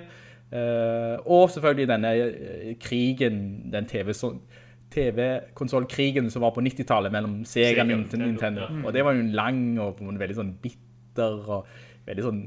Det var jo kul, altså- kul krig, da. Ja, det var jo det. eh, Men for de inni den krigen så tror jeg det var mye sånn kniving og mye sånn... Ja, ja, ja. For de var bittre rivaler, det var de. Mm. Nå er jo alle venner. Og nå, nå tenker jeg at eh, Nintendo og Sony og Microsoft spiller mer på lag nå. de låner på en måte vekk noen av eh, eh, karakterene sine, som, og de har spill som går på kryss, der de kan spille sammen. Eh, så jeg, tror- jeg tror de ser sånn en allianse nesten. Ja, men det er på grunn av at de kan tjene penger på det. Ja, ja, ja, ja. Så Microsoft eier jo Minecraft. Eh, de, Minecraft er jo på alle plattformer. Altså alle slags plattformer. PlayStation og Så Microsoft eier Minecraft, men det er likevel på alle plattformer som PlayStation og sånt. Men de gjør jo det av at de tjener gryn på å gjøre det. Det er ingen annen grunn til det. Eh, Serien heter High Score forresten. Den er tilgjengelig på Netflix. No. Kult. Reklame! Netflix. Uh, når denne podcasten eh, spilles inn, så er vi faktisk i uh, tiden der folk Der eh, nettsider begynner å snakke om de nye maskinene som Magnus nevnte. PlayStation 5 og Xbox Series X. Eh, det, det jeg har sett av anmeldelser og egentlig tester, er jo at eh, eh, Bakoverkompatibiliteten er god, da. Så sier du kjøper en PlayStation 5 så kan du spille faktisk PlayStation 4-spillene. Ikke nok med at du kan spille de, men mange av de blir, er faktisk oppgradert med litt sånn du kaller for smoother, altså mye glattere bildeoppdateringer. Det er på Xbox òg, forresten. Uh, kompatibiliteten er faktisk veldig god på begge maskinene. Et spørsmål. Betyr det at du kan putte en gammel disk og i den nye maskinen, når den funker helt greit? Så sett, ja. Ja. Og til og med noen spillene spilles bedre. Eh, jeg skal ikke gå for mye teknisk inn i det, da, men uh, mange av de spillene som, var, som gikk litt på lavere bildeoppdateringer, de går faktisk bedre på PlayStation 5. da. Så eh, det var egentlig ganske mye positivt på bakoverkompatibiliteten. Ja, når jeg kjøpte Fifa 2021 til PlayStation 4, så fikk jeg med sånn at jeg kan eh, Hvis jeg får meg en PlayStation 5, så kan jeg da har, Jeg har på en måte kjøpt begge spillene. Ja, ja. Så jeg kan liksom Hvis jeg oppgraderer maskin, så, kan jeg, så har jeg liksom spillet til begge maskinene, hvis du skjønner. Så det, For jeg tror eh, en ting mange har liksom vært litt usikre på liksom, Skal jeg kjøpe Som Nilsen sier Fifa Skal, vi kjøpe, skal jeg kjøpe Fifa til PlayStation 4? Hvorfor skal jeg kjøpe det nå når jeg vet at PlayStation 5 er rett rundt hjørnet? Skal jeg ikke bare vente nå? Så dette er på en måte en ganske lur måte å gjøre det på. At du får liksom to i én. Mm. At du eh, Når du kjøper til PlayStation 4, så, kan, så får du òg til PlayStation 5. Eh, Forutsatt at du oppgraderer det til maskin. da Ja. Det, du, du kommer jo Du kommer nok til å kjøpe Fifa uansett i år. Men jeg tviler på at du kommer til å kjøpe det samme spillet igjen til nett. Si du får PlayStation 5 til neste år. Jeg tviler på at du kommer til å kjøpe det samme spillet eh, igjen. da. Så eh, på en måte så har du jo fått intensiven til å kjøpe Fifa i år. Altså, du kjøper det uansett. Men jeg tenker hvis jeg sånn hypotetisk sett får meg PlayStation 5 nå på vårparten, f.eks., Ja. så, kommer- så er det jo veldig greit at jeg har Ja. allerede det spillet. Um, så sånn sett, sånn sett så tenker jeg Jeg tipper sikkert Xbox gjør akkurat det samme. Ja, det, det liker jeg med det, det Den trenden der liker jeg. Økosystemet der. Jeg lurer på om Xbox har akkurat det samme. Kjøper du et spill på Xboxen, så har du egentlig kjøpt det samme spillet på PC-en din òg. Fordi mm. det er jo ikke det samme økosystemet. De prøver liksom sånne på en måte skillene mellom gammelt og nytt det er ikke like hardt lenger. Altså, det er sånn glidende overganger mellom For eh, Microsoft sin del så er det jo på en måte alt skal være en del av Xbox-familien. PC-en er jo inkludert. Ja, og det inkluderer PC-en. Så Ja, ja. PC, Xbox One og Xbox Series skal liksom, ha sånn, skal liksom være samme systemet så lenge du har den Microsoft-brukeren. Eh, Så det er litt, den trenden liker jeg. ja, og det, og det jeg, altså, jeg var ikke sikker på dette før du sa det nå, at, at du kan putte gamle disker inn i den nye maskinen. Eh, for det, da kan jo folk fortsette, fortsette uh, å lage spill til firen. Så har du på en måte brukersystemer både på firen og på femmen. Sånn at folk som utvikler spill til firen føler ikke at de liksom holder på å putte penger i en død maskin. Økonomisk sett så gir det mening, da. Du, hvis, hvis, du, hvis du lager et spill som kun går på PlayStation 5 Det er jo lite av de maskinene altså, Når den blir lansert, så er det jo, det er jo bare en brøkdel av det eh, Du klarer ikke å få samme salget som om hvis det hadde vært på Det er jo 100 millioner PlayStation 4 rundt om i verden. Hvis du lager et spill som kun går på PlayStation 5, så har du egentlig kvalt hele salgs, uh, salgstallene dine. Så, så du lager heller en Iallfall foreløpig nå, når det de, de nye maskinene nettopp kommer ut, så lager vi et spill som kan gå på begge maskinene, egentlig. da. Ja, det er, jo, eh, det er jo det dette her er for noe. Ja, ja. Men uh, det er vel egentlig det PlayStation har holdt på med de siste årene. At du, det er liksom det uh, De vil jo at du skal oppgradere maskin. Ja, ja, det kommer etter hvert. Altså, etter hvert, om et par år kanskje, eh, Etter hvert så dropper de nok Jeg vet ikke hvor lenge de vil ta det, men så må de nok sikkert droppe PlayStation 4, så går alt på PlayStation 5. Men da. jeg føler Microsoft er mer sånn som de sier, at det er mer organisk. At det, ja, du kjøper et spill, men du kan spille det ikke bare på Xbox, men Mm. også på PC. Ja. Sant? Mens med PlayStation så er det jo låst på en Altså, eller låst, men altså det er bare PlayStation. Mens Ja. Microsoft er litt mer sånn organisk, virk- virker det som. Ja, for de, de, de, de, er jo PC-spacen òg, da. Ja. Sony er jo ikke inni der, da. Nei. Så Men uh, ja. Uh, det, det er jo det som Når vi er i podkasten nå, så er ikke de maskinene annonsert. Så det vi informerer for nå, er bare det vi ser på nettet. Mm. Så bakoverkompatibiliteten så jeg litt på, og så det med eh, Hva kaller du det på norsk, Oi? Jeg skal si det engelske. Du vil ha en alt på norsk på podcasten din. Loading time. Uh, innlastningstid, kanskje. Innlastningstid. Siden det er en SSD-disk, er det en raskere type harddisk da, på begge de maskinene, Xbox og PlayStation, så er visst innlastningstid, eller loading time, utrolig raskt i forhold til på PlayStation 4 som bruker disken da. Mm. Så det er nesten sånn at de, de sier det nesten som å spille på en konsolmaskin. De der classically konsolmaskinene. Nesten, da. Det er nesten aldri det samme nå. Men uh, loading time, som du ser på, på skjermen, det skal være, nesten være borte nå, da.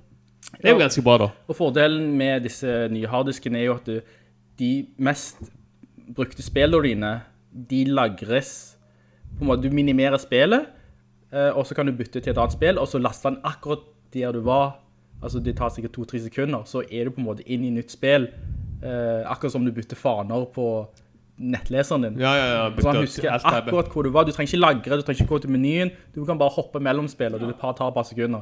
Og det, det er ved hjelp av denne SSD-disken, da, fordi han leser jo informasjonen Mye raskere, da. mye, mye raskere. Det er jo liksom hvor mye du leser av disken. Da. Så eh, Ja. Det, det er ennå mye penger for meg. Jeg, jeg kan si at jeg kommer ikke til å kjøpe en lanseringsmaskin. 6000 eh, Jeg holder meg til PlayStation-økosystemet, men eh, 6000 kroner er litt mye for meg foreløpig. For min del. Og jeg, jeg kommer jeg, Folk får ikke tak i lanseringsmaskinen uansett. Det er altfor få av dem.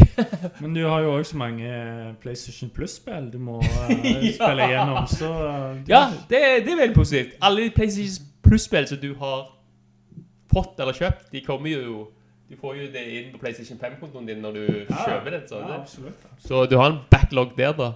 Men uh, Ja, men nå er det jo folk som har bestilt forhåndsbestilt PlayStation 5 som ikke får. Det er et problem med med, med, vi får få nok maskiner er det det du hører? Ja, det, jeg tror litt på grunn av eh, pandemien og ja, hele verdenssituasjonen, men det er ikke lagt nok maskiner, rett og slett. Og folk som har forhåndsbestilt siden det først ble, altså, først nyheten kom, de får ikke, selv om de var tidlig ute og forhåndsbestilte, så får ikke de maskinen før i mai, kanskje? Ja, jeg eh, så noe lignende der òg, at det er mange de som har forhåndsbestilt, ikke får maskin. Og så er det en få som får, så det virker liksom det er litt sånn loddtrekning. At det er tregt bare helt tilfeldig. Men det har nok med pandemien å gjøre, at de ikke har klart å produsere nok. Mm.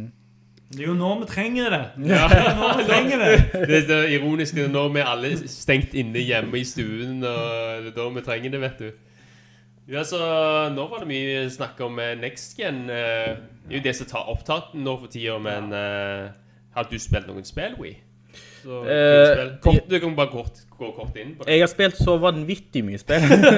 Ja, ja, når vi nevner det. Folk er jo inne, mye, inne mye nå av pandemien, da, så. Ja, altså Du får jo litt mer eh, innetid. Eh, Og da eh, har jeg jo spilt noen nye spill på Switchen min. For eksempel Return of Obra Dinn, som var litt sånn morsomt spill. Du spiller på en måte en sånn type forsikringsagent som går ombord et, et skip som kom i land, der alle er døde da. Og ved hjelp av en spesiell klokke så kan du eh, finne disse likene, og når du analyserer liket så ser du de siste øyeblikkene før den personen døde. Du hadde meg med forsikringsagent. Det er jo litt sånn rart sånn konsept da. Men uh, han spilskaperen, han har også lagt et spill som heter uh, Passport Now, der du spiller en, eh, en sånn en, eh, passkontrollør. Så han har, han har på en måte en sånn en sjanger, han lager sånn veldig rare spill. Veldig nisje. Du tar sånne kjedelige jobber, og så Men han lager gjør de veldig veldig kjekke spill. Altså. For akkurat der Passport Now, da spiller du eh, en passkontrollør imellom, mm, jeg tror det er sånn kommuniststat og en ikke-kommuniststat, og så ser du folk prøve å passere, og folk kommer med kanskje falske pass, eh, men så har de en eller annen unnskyldning, så må du, kan du velge å ignorere de feilene, for du, du må jo tjene penger selv, jo flere pass du stempler, jo mer penger får du, men du risikerer å bli tatt for å ikke gjøre jobben din. Og så går det litt på moralen din også. Skal jeg la denne personen gå som skal besøke mor si eller noe sånt? Eller skal jeg faktisk ta han, sende han tilbake i køen? Eh, så det er sånn interessant sånn, tankeeksperimentspill da. Eh, selvfølgelig, i, i det spillet så holder familien din på å sulte i hel, fordi du er i et kommunistland. så du har liksom sånn moralsk sånn obligasjon i forhold til din egen familie, men også overfor moderlandet som du skal beskytte mot disse terroristene. Mm. Ja, ja, men eh, det, Det høres ut som et kjempedilemma. Liksom. Moderlandet eller familie. ja. Hva velger du? Eh, Hvor eh, hjernevask er du? Ja, eh, så jeg kan for så vidt anbefale Passport Now. Selv om jeg aldri rundet det spillet, fordi det ble så vanskelig. Eh, Jeg det endte alltid med at familien min døde. alltid, alltid. Eh, Men så jeg... Tragisk. Ja, det er veldig tragisk. Um, Du har spilt Ghost også, Ghost of Tsushima. ja, eh, på Playstation så har jeg spilt... Beklager, det var litt korona. Um, jeg spiller fortsatt Apex, det har kommet en ny sesong. Um, men så har jeg også spilt Ghost of Tsushima, som er um, veldig, veldig bra lagt. Eh, jeg, jeg tar meg selv i å både måpe av grafikken og den høy kvalitetsproduksjonen som jeg ser på skjermen. Og, altså, jeg har jo en dårlig TV i Bergen. Du, du, du, og du, eh, du spiller på en 720p. 720p og den PlayStation 4, sant? Det er ikke noe sånn hypp hurra, men det er bare så veldig bra lagt, og graf den, grafisk så er det plass. Du er sant, gamle Japan, feudaltider, du spiller en samurai, eh, landet blitt eh, invadert av mongoler. Eh, hvis folk har sett eh, South Park, så er det altså sånn, God damn Mongolians! Eh, så, så, så du reiser jo rundt, Tsushima er jo øya du er på, og så skal du på en måte gjenerobre landet da, fra disse mongolene som har invadert. Eh, men det er noe med bare stemningen, fargene, eh, autentisiteten i hvordan spillet er presentert på. Det handler, minner om disse gamle japanske svart-hvitt-filmene, sånn Kurosawa har hørt. Eh, så veldig gjennomført stil, veldig bra sånn kampmekanikk, masse verktøy, sånn eh, røyk, eh, eh, sånne ninjastjerner, du har to sverd, sånn som samuraier har, og det som jeg liker med spillet, at det, det er en sånn en, han sliter med å, enten å være en samurai som spiller veldig mye på ære, og da skal du alltid slåss en mot en, eller se fienden inn i øyet, versus det å være en ghost, eller en slags, på en måte en snikmorder, litt mer ninja, så du lister deg inn og stikker folk i ryggen. Og det er på en måte ikke sånn en samurai skal være, men han innser at for å på en måte kjempe tilbake mot uh, disse mongolene, disse inn, eh, ikke innvandrere, men de som invaderer landet, så må du kanskje, du kan ikke slåss på samme måte som før. Må bruke skitne triks. Skittende triks, rett og slett. Men så har du folk i hans familie, eller allierte, som har meninger om dette da. Og så når du spiller så kan du tenke, er det riktig å være spille som samurai, eller spille som en ghost? For du kan gjøre begge deler, det er opp til deg. Jeg vet ikke om det har noe å si på historien til slutt, måten du spiller på.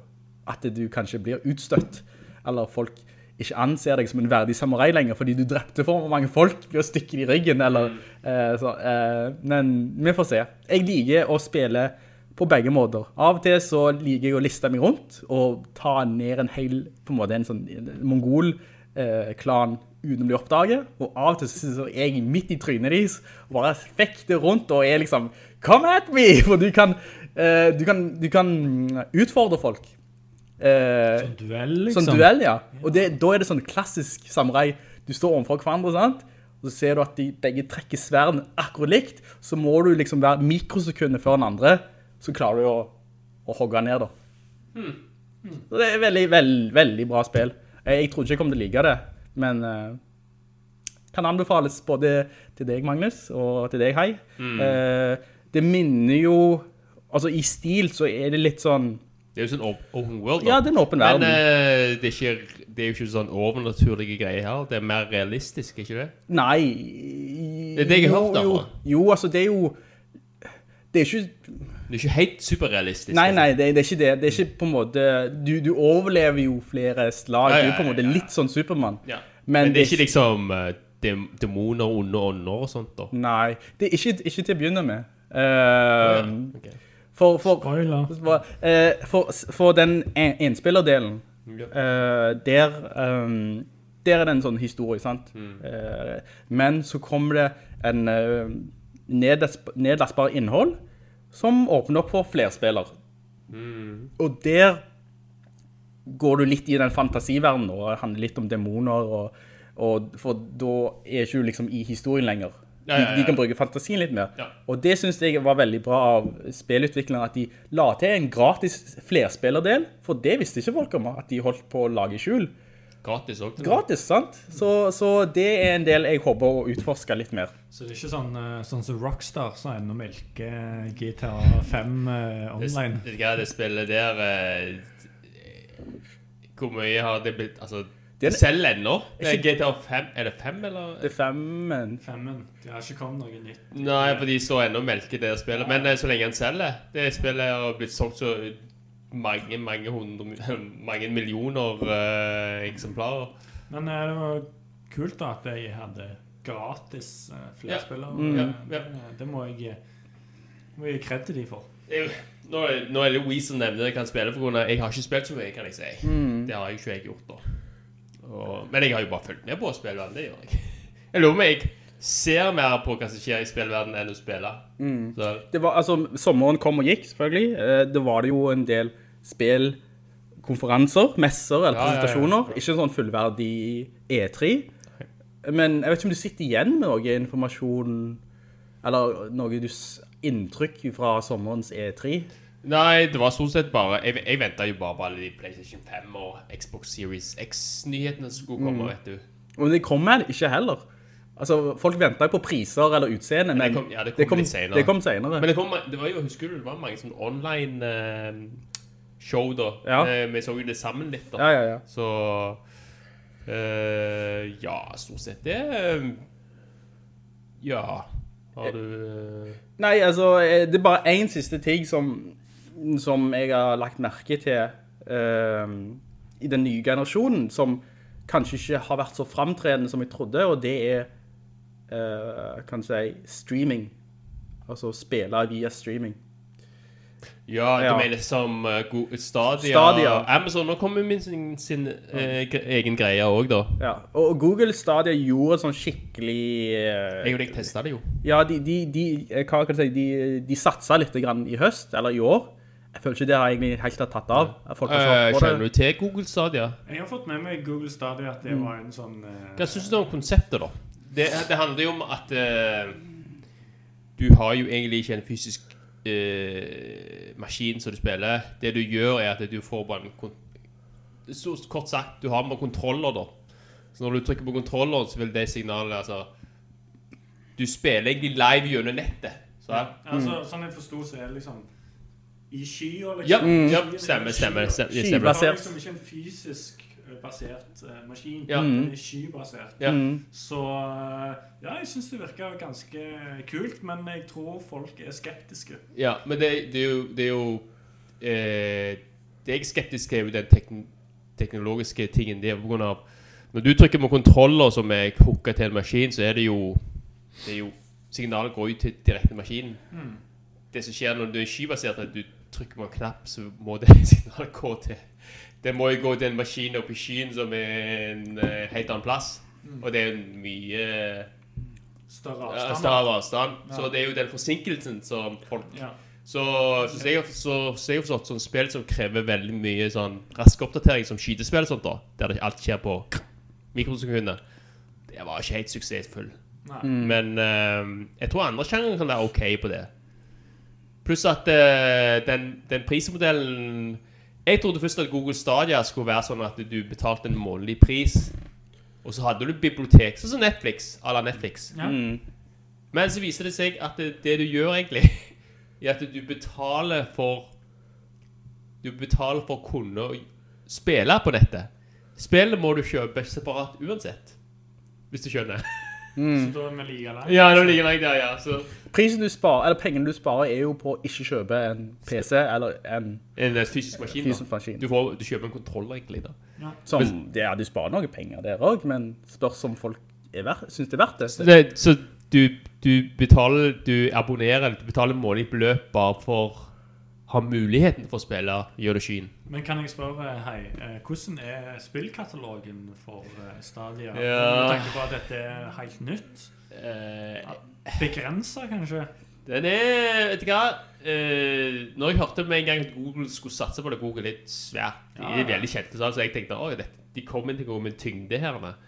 Og konseptet Jeg tenkte jo Netflix på spill. Da var jeg jo sånn, Dette var litt sånn nysgjerrig på grunn av Det liker jeg. Du betaler en månedlig beløp på 100 kroner, jeg vet ikke hvor mye det koster, og så har du et bibliotek så du kan bare Men så ble jeg litt mer eh, skeptisk når folk eh, De nevnte forsinkelser så, på kontrollen, og så nevnte de at Så sa de prismodellen deres, som var månedlig Jeg vet Jeg er usikker om det er sånn ennå, da, for jeg har ikke blitt oppdatert på det. Men når de nevnte at du måtte kjøpe spilles Du måtte uansett kjøpe spillene separat, så var det sånn OK, da var ikke det så uh, Sparer inn, Ja, innbydende likevel. da. Sparer kanskje litt penger på å slippe å kjøpe Ja. maskin, og så må du kjøpe spillene uansett, så Konsept, eh, konseptet er jo egentlig at det, du, du tar med deg kontrollen din, og så sier du ut på, på reise i et hotellrom. Så, så kan du bare ta med Du har med laptop, eller kanskje du har mobilen din, ja.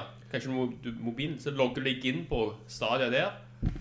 Så bruker du bare kontrollen, så kan du spille i skyen, da. Skyen din er jo alltid med deg, uansett hvor du går. ja, så lenge den ikke er full. Ja, ja, ja. Så Jeg det- ser for meg en sånn regnsky som har følt etter en person. da. ja, ja. Så det er jo det prin- prin- prinsippet er der. Så altså du, du kan gå på reise eller en helt annen plass. Så egentlig du kan logge deg inn på din Stadia-konto. Google-account, rett og slett. Ja. Så kan du spille spillene.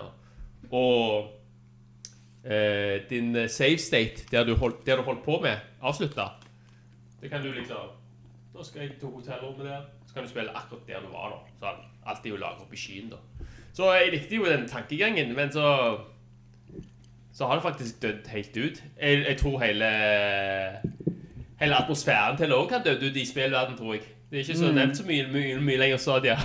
Men, men meg og deg testa det her. Ja. Hva syns du liksom om bare spillopplevelsen? ja, den plattformspillet som jeg, vi spilte en plattformspill som gikk frem det var helt ok.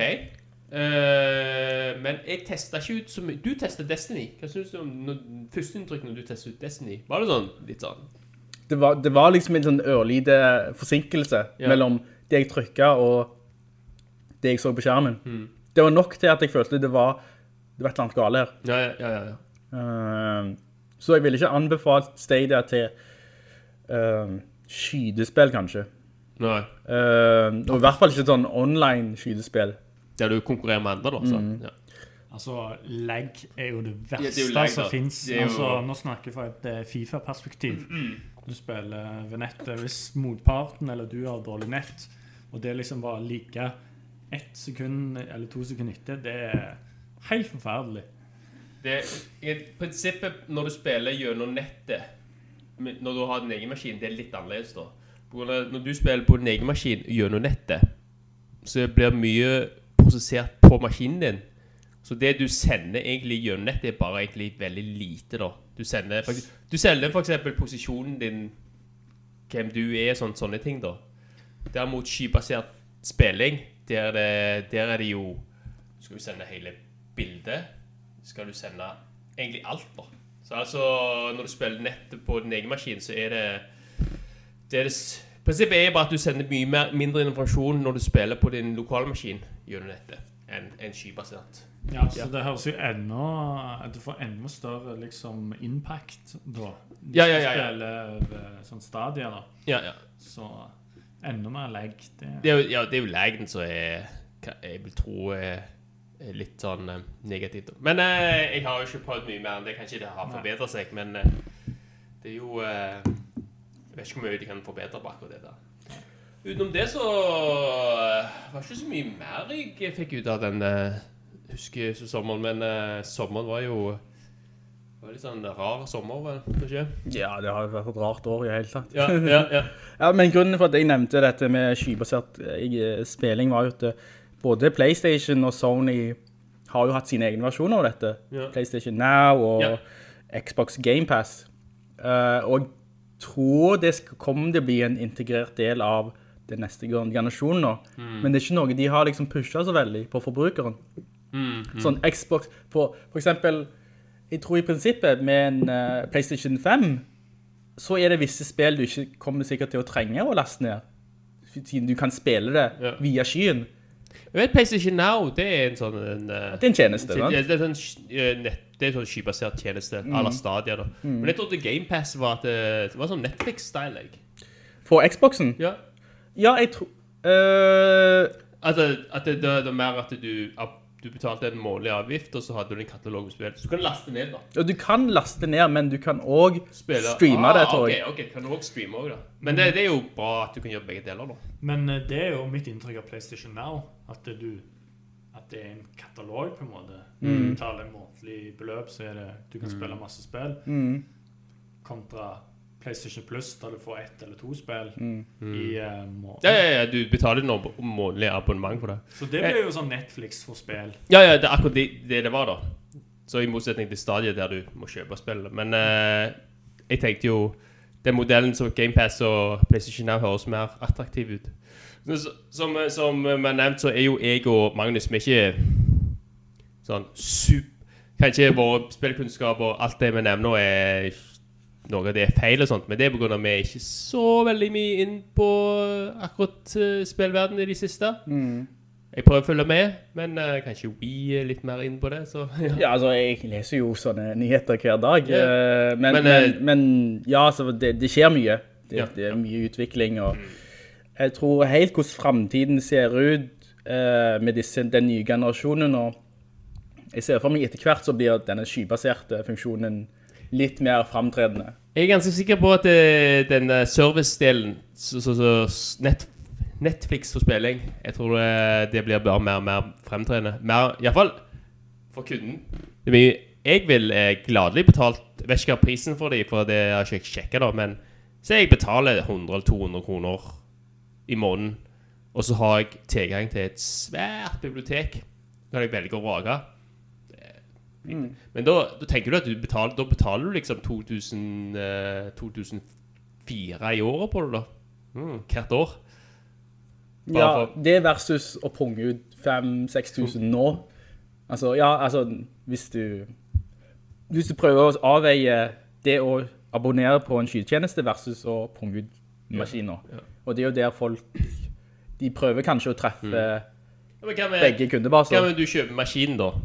Og så har du bare den der, eh, så abonnerer du på en, eh, så abonnerer du bare på en sånn Gamepass der du, Sånn, ja. du har maskinen allerede, men så abonnerer du bare på en service der du kan laste ned spill, de spillene du vil da. Ja, ok, så du kjøper ikke spill, du bare abonnerer. Ja, ja, ja. Og jeg tror Microsoft har vært mye mer frempå der at de nyeste spillene kan du også få Ja, ja, på, på Game Pass, På ja. Game Pass. Ja, ja, ja, jeg vet at det, de, det er på grunn av alle spill som de lager, eh, og alle, alle sånne utviklere på deres team, da, eller sånn, så under deres paraply. Med en gang de gir ut spillet Med, med en gang et blir gitt ut, så kommer det rett på GamePassen også, da. På deres service, da. Så, men det kan ikke de gjøre med tredjepart som ikke de er del av. da. Men eh, jeg syns den, denne servicemodellen er ganske attraktiv. da. Men la meg spørre da, altså, tar ikke de penger? Ja, det er sier. De som lager spiller da. Det burde ikke vi egentlig som kunder bry oss om, da. Men eh, jeg, jeg, jeg, jeg, kan ikke forstå at de skal Ja, hvordan tjener de penger på akkurat det der? De Mm. tjener jo um, Ja, mer hvis folk kjøper det. Får de en del av det abonnement, ab- Jeg vet ikke. Men det skal ikke Det er jo mer økonomer og sånt som burde egentlig se på det. Vi, Ja. vi skal jo bare Vi skal jo bare få det beste ut av når det er konkurranse mellom de, da. sånn. Ja, eller er det på en måte at uh, Xbox eller PlayStation betaler spillselskapene Ja. eh, en sum for å ja, tilby dette? eller? Kanskje det er tryggere penger? Ja. For da er ikke de avhengig kanskje av å selge så og så volum for å, at det skal være lønnsomt. Men så får de en bra cash fra Sony eller Microsoft. og bare, Vi vil ha spillet litt på, i vår Now-katalog. Her er en bøtte med penger. Det er jo, Netflix er jo litt sånn at, eh, at det, Netflix er litt sånn da du, De kjøper jo Eller de leier vel Jeg vet ikke om de kjøper eller leier rettighetene til visse film og serier, og så når, de, når tiden går ut, så må du bare ta, ta serien eller TV eller filmen ut av katalogen, da. Så kan det funke sånn òg på GamePass og sånt. da. Eh, bare en siste ting når det gjelder denne skybaserte uh, spillingen, er at uh, Nintendo har jo også prøvd sin egen versjon av dette. Uh, jeg tror det var i fjor eller noe sånt, så hadde de Resident Evil 7 på Switchen. Altså det var via streaming da. Altså Switchen din koblet seg opp til en sky, og så spilte du via denne skyen. Så da fikk du eh, som, en, som en neste generasjons eh, spill på fjorårets hardware. Og det funket, folk sa det funket greit, men det var kun et, test, testeksperiment i Japan. Men nå de- har de prøvd det samme i Europa, med spillet som heter Control. Det lastet jeg ned. Altså selve programmet er jo knøttlite, så det tok et par sekunder. Men når jeg startet programmet, så koblet han seg opp til en eller annen sky, og så spilte jeg Control, som er et spill på PlayStation 4, som aldri kunne gått på Switch sin hardware. Den er ikke sterk nok. Men han koblet seg opp, og så spilte jeg via skyen, og for å være helt ærlig så synes jeg det var ganske greit. Ja, ok. Det funket. Uh, selvfølgelig, det er sånn tredjepersons skydespill, så hvis, jeg tror kanskje hvis det hadde vært en sånn mikrosekund eller med sånn forsinkelse, så hadde ikke det gjort så mye. Uh, Skulle tro- det var Skulle tro det var Det er like sensitivt som et vanlig skytespill, da. Sånn første person, og så Nei, det er tredje, ja, tredjeperson, ja, men på en måte, jeg, jeg tror ikke det hadde frustrert meg like mye hvis det var et kjørespill eller skydespill der hvis du er lite sekund for sent, så, så dør du med en gang. Her er det sånn, ja, ja, du tar litt skade, og du ruller, og det går greit, liksom. Det ikke... Men uh, du kjøpte Måtte du betale Du Nei, betalte full pris, Nei, eller var det en demo? Uh, dette var bare en demoversjon. Å, uh, og hvis, eh, jeg tror hvis jeg forstår det riktig, så har de på sånn betalings... Hvis du skal kjøpe spillet, så koster det ikke like mye som et butikkspill. Men det, før du kan kjøpe det, så må du kjøre demoen, for folk, Nintendo vil forsikre seg om at, at båndbredden din er bra nok. Ja, ja, ja. ja. For, for det, alt har jo med båndbredde hastighet å gjøre. Hvis du har dårlig internett, så går det ikke. Uh, men hvis du, hvis du har spilt demoen, uh, som varer kanskje en time eller noe sånt, og du tenker det er bra nok, så får du tilbud om å kjøpe spillet i butikken. Eller på en måte i Nintendo sin online-butikk. De vil vel ikke ha det der eh, For si- sinte kunder, vet du. Så Ja, ja. Si, si du kjøper spillet, så har du sånn shit i internett hjemme, og så spil, ser du at du ikke kan spille i det hele tatt. Og da får du klager, da. Mm. Det, er sånn, da. Og det, det, det er jo sånn rart problem, for da er ikke problemet Kunden kan ha en god opplevelse og en dårlig opplevelse avhengig av hvor de sitter, eller hvor i verden de er. Tjenesten er jo den samme. Det er forbrukeren sin ansvar å ha bra hastighet. De får vel en eh, dårlig opplevelse hvis de blir avvist, liksom. At eh, de ikke får lov til å spille liksom. ja, ja, men da må du flytte til et land med god internett. Eh, men, men det var bare interessant at, å se at Nintendo også kan for så vidt spille nyere spill så lenge det går via en sky. Det er et interessant eksperiment. Ja, det, er jo det, det er jo det som er det, som, er så attraktivt med skybasert. Du trenger ikke bry deg om maskin lenger. Du bare abonnerer på den tjenesten da. Og, og du kan ha en eh, kan, du kan ha en hva som helst TV og på en måte du kan få toppkvalitetsgrafikk uten å betale for det for så vidt. For altså hvis du skal ha den ultimate PC-en nå, det koster 20-30, jeg vet ikke hvor mye det er. Mange, mange, mange tusener. For hvis du skal liksom ha den grafikken som gjør at øynene dine blør. Og noen liker jo det. Ehm, men ved hjelp av skyen så kan du få det. Hvis du bare har god nok internett da. At får state of the art eh, jeg t- Tviler på at du setter av en state, of the art maskin til deg på skyen. Ja, ja, det- det er sånn. Heter ok, tror jeg. Ja, men det, det uh, har vi andre ting fra dagens spillverden. Ikke sånn jeg kommer på i hvert fall. Har, har, altså, eh, litt spørsmål, Magnus. Eh, Xbox eller Playstation? Hvis du hadde Eller Nintendo, for så vidt. Ja, ja, stemmer. Uh, det ble nok uh, PlayStation da, for meg, min del, da. Så ja, det, valget der, er det på grunn av vennen din har PlayStation? Eller er det på grunn av at du har hatt det før? Uh, Litt, litt begge deler. Ja, egentlig. ja, ja, Men, ja. Så hvis jeg Hvis det Altså, det blir, det blir hovedmaskinen. Mm. Og så kanskje Ja. Nintendo som spill. Jeg har ingen planer om å kjøpe en Xbox. Mm. Ja, du kjøper jo det vennen din, altså nå, nå, er jeg inne på social gaming igjen da, men du kjøper jo det vennen din har da, for du vil lyst til å spille med dem. Ja, dette, så- absolutt, Ja, absolutt. Ja, ja, ja. Ja, og det er mange flere folk som har PlayStation 4 enn Det- Xbox. Det, det er den som er mest solgt. Eh, mest solgt nå av denne generasjonen, tror jeg. PlayStation 4. ja. Så de har, de har et forsprang når det gjelder Ja, det det. varemerke. Så, så de, bare, folk, de må bare få folk til å holde på den generasjonen, eller på en måte jo- på sin maskin. De må jo ikke bare få et eh, dårlig rykte eller gjøre noe utrolig dårlig med eh, PlayStation-varemerket. Mm. bare at femmen er ikke dårligere enn fire. Ja, ja, ja, så, så, så bare holde deg, så tror jeg de eh, kan selge like mye. It's like uh, crack cocaine. Get them when they're young. ja. du må få de hekta. Ja. På PlayStation så blir det PlayStation. Men det var mye så det, det har snudd før. Uh, Xbox 360, 360 var maskinen som Ja. tok igjen PlayStation 3. Så klarte PlayStation å snu da. Så det, det er det som er veldig fascinerende med Det hadde vel også litt med lansering å gjøre, fordi uh, nei, Xbox 360 var jo kanskje et år Og før. billigere også da. Og PlayStation, billigere ja, PlayStation. PlayStation 3 var uh, Mens med, dyrt. mens med 4 så var jo PlayStation så å si samtidig, eller før Xbox. Mm. Så jeg tror det har litt det òg med å gjøre. Ja, Folk gidder ikke vente. Nei, det var mye faktorer der da. Ja.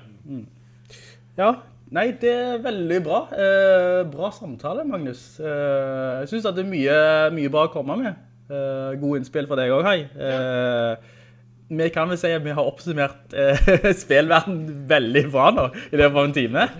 Retro og alt mulig egentlig. Både retro og nye, nyere generasjon.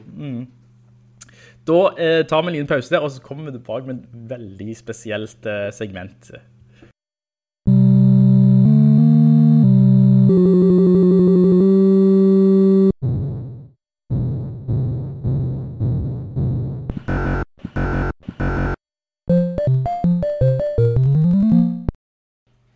Hei, hei, folkens. Da har vi faktisk Joakim Joachim i studio, eller ikke i studio. Vi sitter i hver vår kant av Rogaland. Um, Nå, noen må jo ta korona på alvor her. Ja, Uh, med forrige gang du, eller i det forrige segmentet, så var jo meg og Magnus og Hei i samme rom. Vi prøvde å holde en meter, men uh, Joakim er flink og tar ansvar, og vi holder oss langt under hverandre. Ja, ja. Jeg har aldri vært så langt unna hverandre.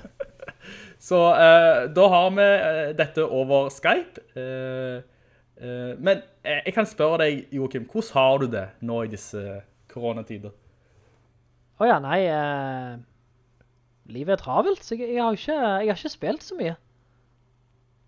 Jeg gjør som småbarns eh, fedre flest. Rydde hus, pakke ned vintermøbler og gå på jobb.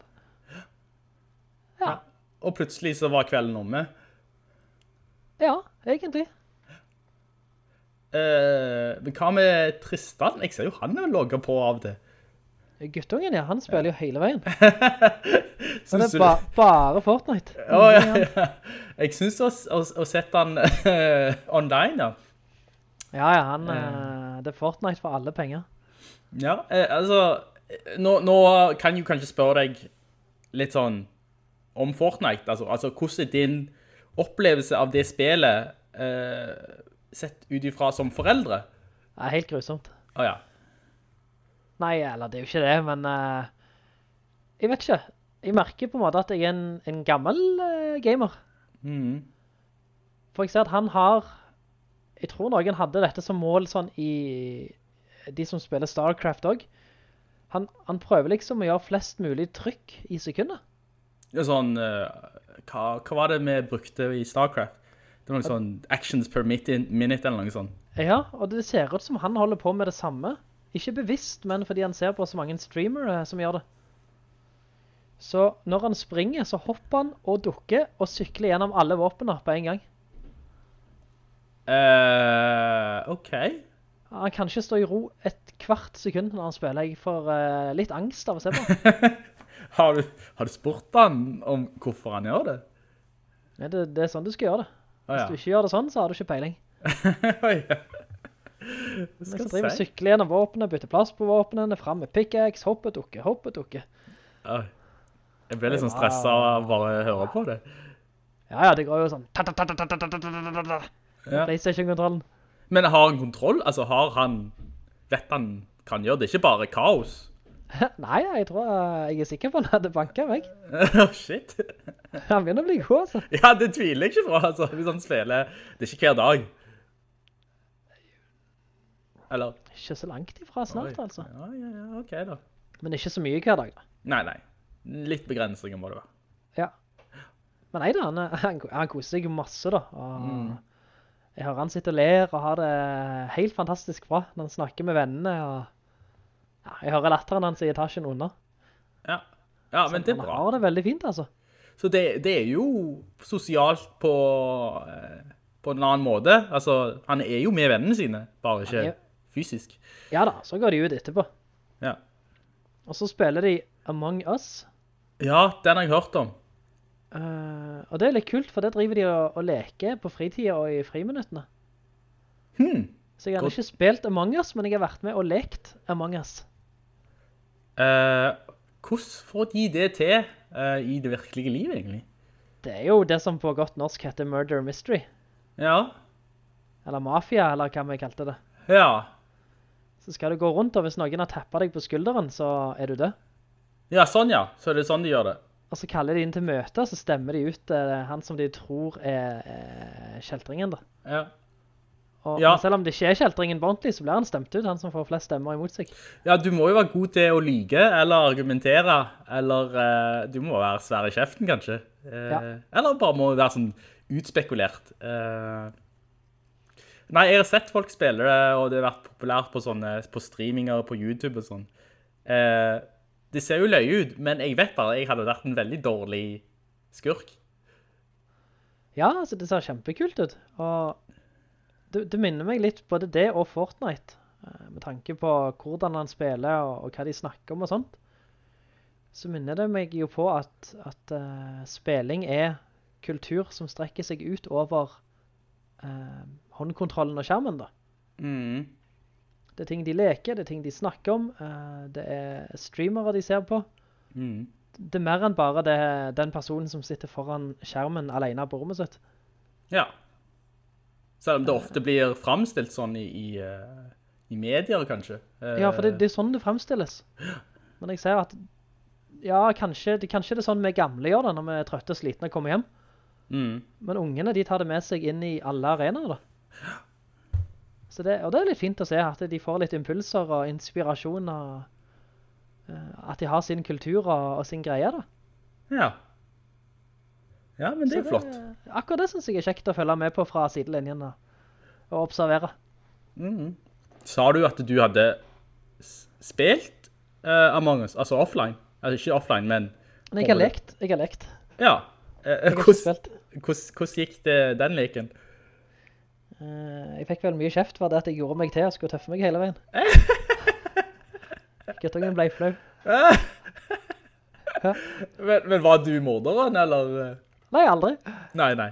Men jeg du... bare drev og lagt litt ablegøyer og skulle la- få litt stemning i Ja, ja, ja, ja. Noen må jo det. Pappa, jeg er flau. Hvis, hvis han ble flau, så har du gjort noe riktig.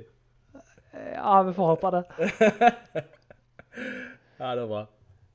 Ja, men jeg tror det oppsummerer uh, gamingen hans i hvert fall. Mhm. Fikk jo ikke han frivillig vært med å velge om han skulle dele sine gamingvaner med omverden, men, men sånn er det å vokse opp i dag. Your house, your rules. Ja, det ble vel det. Eh, du får si at uh, hvis han ønsker å være med på en podcast, så så får han det. Hvis han uh, hvis du føler at at han er Han- klar for det.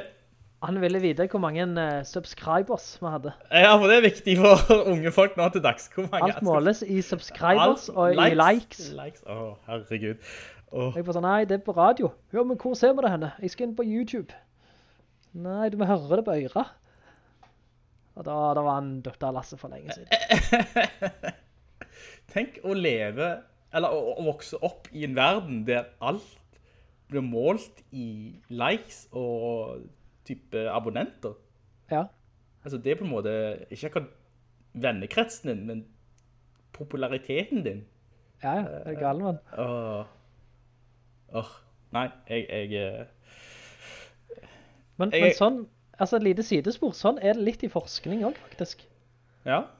Uh, hvis du skal bruke en forskningsartikkel, så det er ulike måter å finne ut av om dette er en kvalitetsartikkel eller ei. Mm. Eh, men en vanlig mål er antall siteringer. Altså hvor mange som har sitert denne artikkelen. Aha.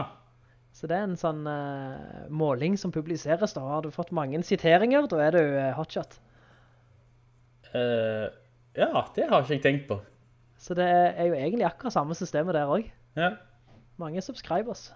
Tror du det er noen forskere, eller forskermiljø som jukser litt og sier, kanskje du siterer meg, så siterer jeg deg? Ja, er du gal, mann? Det er jeg helt sikker på. Ja, det er sikkert ja. folk som uh, ligger seg til en sitering, kanskje. Å, er det det? Nei, jeg vet ikke. Ble Det det må vi snakke om siden. Nå, nå må vi inn på spill igjen. Ja, vi må snakke om spill. Uh, Ja. For spill er gøy. Ja, Spill er gøy. Uh, men du har, ikke, du har spilt litt, har du ikke? Et eller annet har du spilt. Eh, Jo, jeg har spilt et eller annet. Jeg har det. Jeg har spilt Mario Tennis. Ja. ja du kjøpte det på Switchen. Ja, det kjøpte jeg for uh, et halvt år siden, og vel så det. Mm. Altså, jeg har ikke prøvd det før nå nylig da, på hytteferie. Og det har vært en familieslager, altså. Ja, bokstavlig talt. Boks- Ja, spiller det alle fire. Mm. Og jeg har spilt det litt alene også, og det er faktisk litt utfordrende. Og det er såpass, jeg trenger ikke huske en historie, og jeg kan bare fyre det opp for ti minutter, så jeg er ferdig. Så kan jeg vente en uke. Mm. Sånn, litt sånn uh, arkadeaktig. Ja, akkurat som Mario Kart. Ja. ja. Men er det, altså kan du vifte med coinen, joyconen? Ja, men jeg vil jo ikke, ja, men jeg vil jo ikke det. Ja, altså du kan, men du kan også bruke knappene. Ja, mye bedre å bruke knappene. Ja, ok. Jeg liker fysiske knapper, altså. Eh, ja, ja, jeg er jo enig i det. Det er litt gimmicky å stå og veive med den greia. Altså, det er jo kjekt for uh, barn og sånn, som kanskje ikke er så tekniske, de vil heller bare liksom, å, så gøy, jeg vifter med en tenniskontroll, liksom. Uh, sånn som de gjorde på Wii-en. Ja, til og med de liker knappene, altså. Ja, det. Ja. Ok. Men jeg har fått sånn drift på Joy-Con min, Åh, oh, nei, høyre eller venstre? den blå. Ja, venstre. Eh, men får du det fikset gratis? Jeg vet ikke. Jeg eh, tenkte jeg skulle nevne det for deg nå mens vi er på lufta. Ja. Jeg, jeg vet ikke helt hva jeg skal gjøre med det, og jeg husker ikke din erfaring. Uh, jeg fikk han sendt inn en gang, og så ble det dekket. Uh, og så skjedde det igjen. Uh, og den andre gangen fikk jeg det ikke dekket. For da mente de at det var på grunn av ikke vanlig bruk, at han hadde blitt eh, At han hadde dott i gulvet eller noe sånt. Eh, så ja. Men, men Og etter der så kom jo Nintendo sin offisielle Kan du si Uttalelse om at de skulle fikse alle drifting eh, på egen eh, På deres regning. Ja. Det mener jeg, altså. Med eller uten kvittering? Og det vet jeg ikke. Jeg kjøpte maskinen brukt, sa det. Uh, huh. Ja, det kan jo være et problem. Men jeg kjøpte jo to ekstra Joy-Cons, så jeg har, uh, jeg har jo tre som virker. Mm. Og så eh, tar jeg jo bare jeg og tar den som drifter. Så blir det liksom en lite handicap når familien spiller tennis. Det det er jo sånn YouTube-løsninger på det også. Jeg vet ikke om det er permanent løsning, eller om det er bare sånn quick fix. Eh, men hvis nok så er det noe støv som har kommet under uh, gummien på, på Mm. spaken da. Så holder sensoren trykket inne. Ja. Ehm, men men jeg har ikke åpnet den selv. og jeg vet ikke helt hvor, hvor dekkende denne Nintendo-garantien er, eller om det er garanti eller ikke, hva de kaller det. Jeg skal google det, men ellers er det jo eh, kult prosjekt å åpne en kontroll da. Ja, du ser jo litt eh, hvordan ting funker. Vet du hva jeg gjorde? Ja, Jeg hadde en hel time for meg selv her en kveld. det er farlig. Uh, nei, nei, det var skikkelig kult. uh, da tror jeg jeg fiksa Tristan sin, uh, guttungen sin uh, Joy-Con Blaster. Hva er en Joy-Con Blaster? Det er den der store bazookaen. Som... eh, eh, Labo Blaster. Unnskyld, ikke Joy-Con Blaster. Ja, ja, ja, da, da vet jeg hva jeg snakker om. Ja. uh, for den er jo opereres av strikker. Mhm. Og så jeg kikket litt på disse inni de videoene som viser hvordan laboen funker. Ja. Det er jo inkludert i den kassetten som følger med. Og da klarte jeg å demontere den og fikse strikker og få den tipptopp opp up to speed igjen. Ja, for han var litt, uh, litt ødelagt. Ja, så det var strikkene som var morkne, rett og slett. Ja, sånn skjer jo med strikker. Sånn skjer. Men uh, Nintendo sine ting bare kan bytte ut selv. Ja, Så det var litt gøy. ja kult. Det tok en time altså. Jeg satt og fikla og måtte jo finne ut hva enn jeg skulle begynne å åpne den i da. Mm. For å få den ifra hverandre igjen, for nå, han ser jo bare ut som en magisk hel bazooka. Mm, ja. Men så begynte jeg å finne åpninger, og nå, nå kan vi blaste i vei. har, du, har du prøvd spillet som følger med den? Ja, det er faktisk ganske kult det. Ja, er det ja. Er det sånn Duck Hunt-aktig? Nei, nei, mye bedre enn det. Ah, ja, ok. Du går rundt i et miljø og skyter aliens. Åh. Kommer bosser, og du må finne svage punkter med å snu deg rundt. Da. Ah, ja, ja, så, ja, men det er jo litt, eh, litt, litt å tygge i, i hvert fall. Ja, det er VR uten sjøsyken. Mhm. Hmm. Ja, så kult. Ja. Jeg, er- har du noe at melde du, eh, Wii? Eller har du avmeldt allerede? Eh, og om det jeg har spilt? Ja. Eh, vel, altså, nå fortalte jeg eh, stort det mesteparten av det eh, eh, jeg har spilt til Hei og Magnus, men det gikk jo i uh, Obra Dinn eh, og ehm, Ghost of Tsushima. Eh, Jeg fortalte ikke så mye om, om eh, Jeg glemte å nevne åh, Mario hva heter, hva heter det? Mario Raving Rabbits? Blaster Nei, det er en lang titel. Men det handler om disse kaninene i hvert fall, som invaderer Mushroom Kingdom. Og Ja, så uh, XCOM-spillet til Ja. Ubisoft og Nintendo. Ja. Eh, og jeg kjøpte jo um, den gullversjonen, som inkluderer Donkey Kong, på tilbud. Den, det ser så kult ut det spiller vi.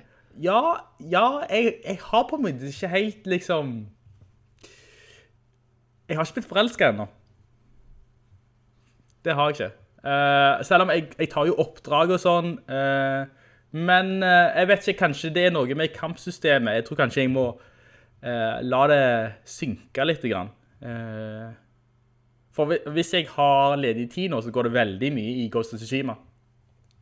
Jo, men det er bra, for forrige episode sleit jo litt med det. Ja, ja, nei, nå... At du ikke var hekta. ja, nå, nå er jeg hekta. Er det sant? Ja, ja. Uh, så det, er, det synes jeg er gøy nå. Uh, Kult. Uh, og, men jeg har ikke fått Jeg har ikke fått prøvd flerspillermodus siden han jeg har tenkt å spille det med, han får ikke fingeren ut. Er Thomas. Thomas. Bergen? Thomas Bergen, ja. Ja. Hvor var han fingeren sin henne? Nei, uh, si det. I uh, her og der. Ja. Det er ikke i uh, Tsushima i hvert fall. Um, Er ikke han spilskribent, eller, eller har vært, og drevet en podcast selv? Eh, jo, han har det. Men eh, jeg vet ikke. Han, jeg tror han, eh, han sa han hadde Han var mye opptatt med jobb for tida, og så har han jo en kjæreste, og, og ja. Han skal få lov til å eh, ikke liksom spille med meg. Det er, folk skal få bruke tida sånn som de vil. En, en liten stund til. Ja, men jeg, jeg hadde syntes det var veldig gøy å prøve eh, Ghost of Tsushima flerspiller, fordi jeg- jeg- enspillerdelen er jo helt fantastiske. Eh, og jeg tror å gå rundt i en verden og liksom Jeg tror du går på sånne, sånne det, er, jo- det er jo ikke en kampanje, men det er mer sånn eh, oppdrag. Eh, enkeltoppdrag. Eh, men, men det er jo veldig bra sånn kampoppsett og uh, kampsystem. Uh, så du er jo ganske badass, kan du si, når du er der. Men du spiller jo ikke hovedkarakteren. Det, det du gjør i flerspillmodus er du spiller, uh, jeg tror modus heter Legends Mode sånn. For da spiller du disse, kan du si, mytiske figurer som slåss mot demoner og litt sånn mer overnaturlige ting. Mens eh, Ah, så det er en litt annen opplevelse. ja, ja, det er det. Uh, mens enspillmodus holder seg nokså sånn jordnært. Uh, ikke helt, men, men uh, det, ting kunne ha skjedd, sånn som det er. Mm. For, for sånne samurai-epos, det ser jeg for meg i Japan sitt svar på western-filmer. Ja. Kultur. Ja. Er det det? Eh, ja, tenker du på filmen nå, eller på en måte historisk sett? Ja, jeg tenker bare på sjangermessig, altså vakre bilder, åpne sletter, friske farger og avgjørende og veloppbygde dueller. Ja, ja, ja. Eh, og mye av spillet er jo en, en nesten hyllest til den, den der uh, sjangeren, eller den stilen. Ja. Eh, og det er bare et veldig sånn gjennomført og vakkert spill til tider. Eh, eller på en måte, det er alltid det, men det er visse øyeblikk der du virkelig ser på en måte bladene falle, og vinden blåser i riktig retning, så er solnedgangen, har noen fugler som flyr der og kvitter, sant? Det er sånn, det er vakkert. Eh, men så havner du opp i en slagmark, og så er det bare brutalt og blodigt, og armer og bein flyr. Eh, og da er det liksom bare, uh, da er det kult. Nice. Um, og det, det, det jeg fortalte til, Hei og Magnus var at det, jeg likte liksom dynamikken mellom å spille en snikmorder og spille en samurai. For det er veldig to forskjellige spillestiler. Åja, kan jeg, spiller du en ninjag? Ja, nei, altså han, han får de egenskapene. Eh, altså du kan, du kan snige deg bak folk og stikke dem ned uten at de lager lyd. Eh, og det er på en måte mer sånn ninja-aktig måte å slåss på, å være Er det er ikke noe sånn ærefullt uh, Jo. samurai-måte? Ja, det er akkurat det som er på en måte han, hovedkarakteren, han Jin, uh, sliter med. For hvis han skal leve som samurai, så kan ikke han gå rundt og snikmørde folk. Men hvis han skal faktisk prøve å få disse mongolerne ut av landet, så må han ty til triks, eller eh, kan du si, eh, å gjøre ting som han ikke tror på, som går imot hans eh, opplæring. Så målet helliggjør middelet. Ja. eh, jeg, altså, jeg, jeg vet ikke om det slutt, til slutt har noe å si hvor, i hvilken retning jeg lener meg i. Altså, jeg, jeg vil si, altså, jeg gjør det kanskje 50-50, eller kanskje litt mer samurai-stil. Eh, Men jeg vet ikke om det har noen betydning for historien til slutt. Det blir spennende å følge med på. Ja. Eh, for det, det er liksom, du, du, det, det er jo sånn, eh, kan du si, eh, egenskapstre, der du kan velge å oppgradere triks og ting i, i både ninja-stil eller samurai-stil. Etter hvert så har jeg jo oppgradert fyren min så bra at jeg, jeg er liksom full pott på begge deler. Ehm, men, og, og midt i en kamp så kan du for så vidt switche om. Altså, hvis du er i full kamp og du blir omringet, så kan du droppe en røykbombe og snike deg vekk, og begynne liksom å knerte dem fra avstand. Uh, så det er ikke sånn at du er låst til noe som helst. Uh, men det jeg tror jeg bare litt hvordan du liker å spille, kanskje. Og det er litt kult hvis det får noe å si for historien da. Ja, ja. Det, ja, det, det hadde liksom vært en konsekvens. Eh, men det er også bra at det, de, de har ikke sånn... Jeg har ikke opplevd noe sånn... Enten A eller B. eh, sånn konsekvensgreier ennå. Eh, at det er litt mer sånn tvetydig. At det ikke er sånn, nå gjør du det, og derfor ender du sånn. Altså, noen spiller jo veldig sånn, enten gjør det A, eller så gjør det B, og sånn blir spillet. Mm. Så vi får se. Jeg tror jeg er to tredjedeler gjennom spillet. Åja. Ja. Ehm, men så så vet jeg ikke hva neste prosjekt blir. Kanskje jeg faktisk må begynne å spille Mario. Uh, så, men jeg snuser litt på uh, Star Wars. uh, hva heter den? Rogue Squad? Hva heter det for noe? Er det den eh, litt klassiske Star Wars-spillet som har kommet? Ja, Der du flyr i, i sånn TIE Fighters så. Ja, eh, men det er jo, jeg er mest interessert i det fordi det er i VR, sånn at eh, jeg ser for meg at du sitter i cockpiten, og så flyr du, og så kan du, du snu deg etter flyene som bare suser forbi. Eh, det er jo litt sånn eh, veldig... Det blir sikkert en veldig unik opplevelse. Ja, det kan jeg tro. Ikke at du føler G-kreftene, men, men det er bare det å se se seg rundt i cockpiten og på en måte fly og, og kjøre ned i den der mot Death Star, dødstjerne og fyre av den der torpedoen. Det hadde sikkert vært litt gøy. Ja. Kult. Ja, jeg er sikker på at jeg har glemt et spill nå. Uh, jo, jeg spilte jo Control også. Eh, jo, jeg har, jeg har spilt Control både på PlayStation 4, men det kjøpte jeg på eBay, og så fikk jeg en... uh, jeg, jeg, eh, dette, nå, nå, nå, altså nå innrømmer jeg jo at jeg kjøpte det på eBay digitalt, men så viste det seg at uh, jeg fikk ikke en sånn nedlastningskode, jeg fikk en brukerkonto. Nei. Ja, og da var det sånn, altså det, dette var jo ikke nevnt i annonsen, det sto bare digital control, så tenker jeg, ok. Uh, så da fikk jeg en brukerkonto, så måtte jeg liksom laste den inn på min Playstation, og så kunne jeg spille liksom via hans konto, altså det er jo veldig shady. Eh, Det var shady. Uh, men etter å ha spilt kanskje ti timer, så funket ikke kontoen hans lenger. Og jeg skrev sånn, hei, what the hell, man? Eh, og han var sånn, nei, men du har ikke fulgt instruksjonene. Jo, men det har jeg. Og så ble det liksom en twist i eBay, og så fikk jeg jo pengene tilbake. Eh, men, men nå, så på en måte, det har ikke kostet meg noe, men jeg har jo kommet meg ti timer ut i et spill som, eh, som bare sitter der nå. Ja, det er jo ikke bra for din mentale helse. Så kanskje jeg må kjøpe eh, kontroll på ordentlig. Um, men, men, men så kom en, del, en, en interessant del nå, som jeg fortalte Hai og, og Magnus om, og det var jo at kontroll finnes jo nå på Switchen, med en sånn streamet versjon. Ja, det der har jeg ikke mye tro på.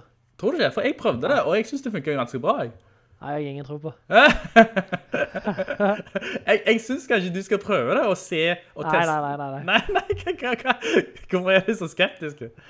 Nei, da kan jo like så godt gå til Google Stadia da.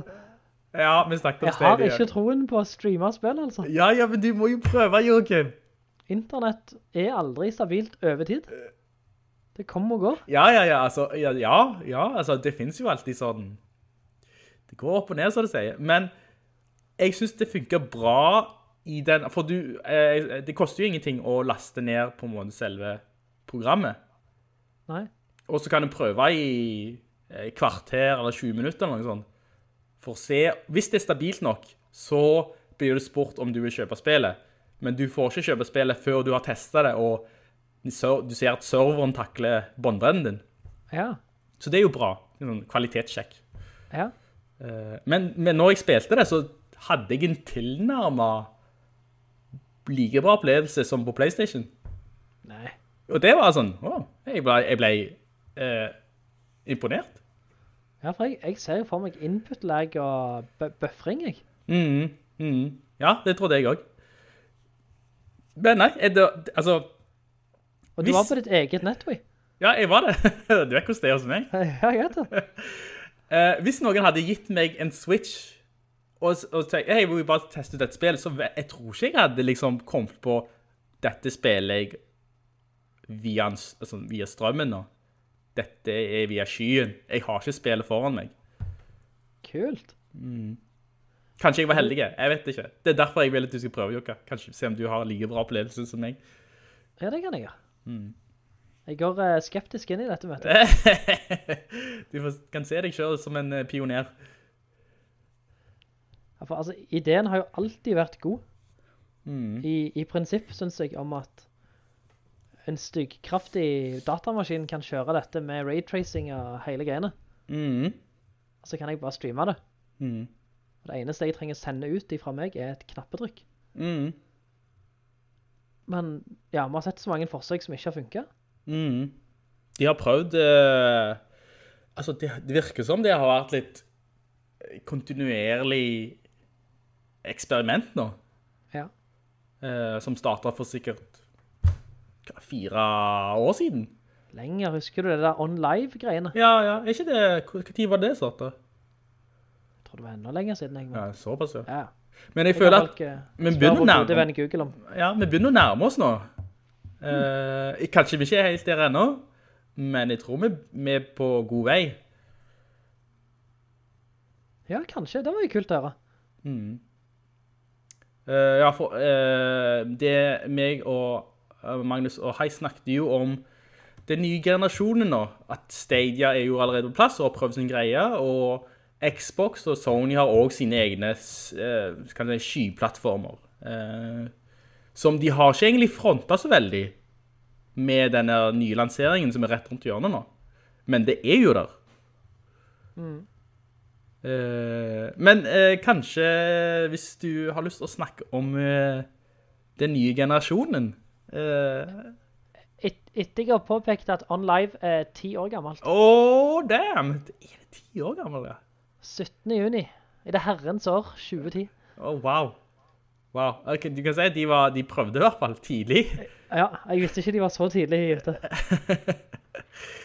De var litt eh, forut for sin tid da. Men eh, noen må jo alltid ta det første steget. Ja. Mm. Uh, nei, ny generasjon. Ja, rett rundt hjørnet. Jeg, men jeg tror kanskje, hva dag er det i dag? To, to, to, tirsdag. Tirsdag? Jeg lurer på om Xboxen kom i dag. Eller så er det i morgen.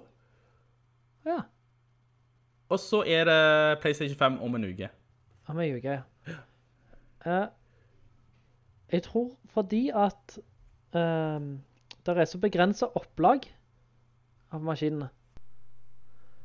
Og fordi det er ingen spill som slår meg som dette er grunnen til å oppgradere maskinen min. Mm. Og, og kanskje litt fordi at dette føles ikke som en ny konsol for meg. Mm. Det føles mer ut som hvis du har en PC og du oppgraderer minnet på den. Ja. Med det hele familiesnakket til både Sony og Microsoft som har hatt oppskalerte konsoler. Mm. Så nå føles dette kanskje ut for meg som en PlayStation 4 Pro Pro. Ja, pro pro. Pro Pro? Pro, pro, pro i andre. Ja, Pro i andre. Ja. Så jeg, ja, hele konsol, nye konsoler har ikke truffet meg med den, det krateret av et nedslag som det pleier å treffe. Ja. At her er fremtiden. Er det litt skuffende? Det er mer som at fremtiden er et langt skjerf som bare hele tiden klarer å, å dra til oss litt mer av. Ja. Men, men det er ikke et nytt skjerf. Nei, samme skjerfet. Det samme skjerfet, men bare få litt mer av det. Ja. Så sier man, oh ja, nå har de fått litt fint mønster på seg. Men, men Så- uh, ja. Ja, litt, litt skuffende, Mm. og litt befriende at jeg ikke har så panikk for å skaffe meg det nyeste lenger. Mm. Det betyr jo at jeg, jeg føler jo ikke at PlayStation 4-en min er utdatert ennå. Ja. Jeg vil nok det, fordi jeg tipper i takt med produksjonen, så vil det komme flere og flere spill for PlayStation 5 og for Xbox, hva enn de kaller den. Og da kommer jeg plutselig til et punkt der jeg føler at maskinen min er gammel, og at jeg gjør et hopp når jeg kjøper en ny maskin. Ja. Men i dag så føler jeg ikke at jeg blir med på noe hopp. Nei. Det er mer... uh, hva, hva er det hvis det ikke er et hopp? Mer altså, ikke gå ut i spagater, men å, å, bøye tøye litt. Ja, litt, litt bøying og tøying, ja. La, langt steg fremover. Et, et langt steg. Ja, ok, jeg ser den. Jeg kjøper den. Men det er ikke noe leap of faith der jeg lander i en ny verden. Mm.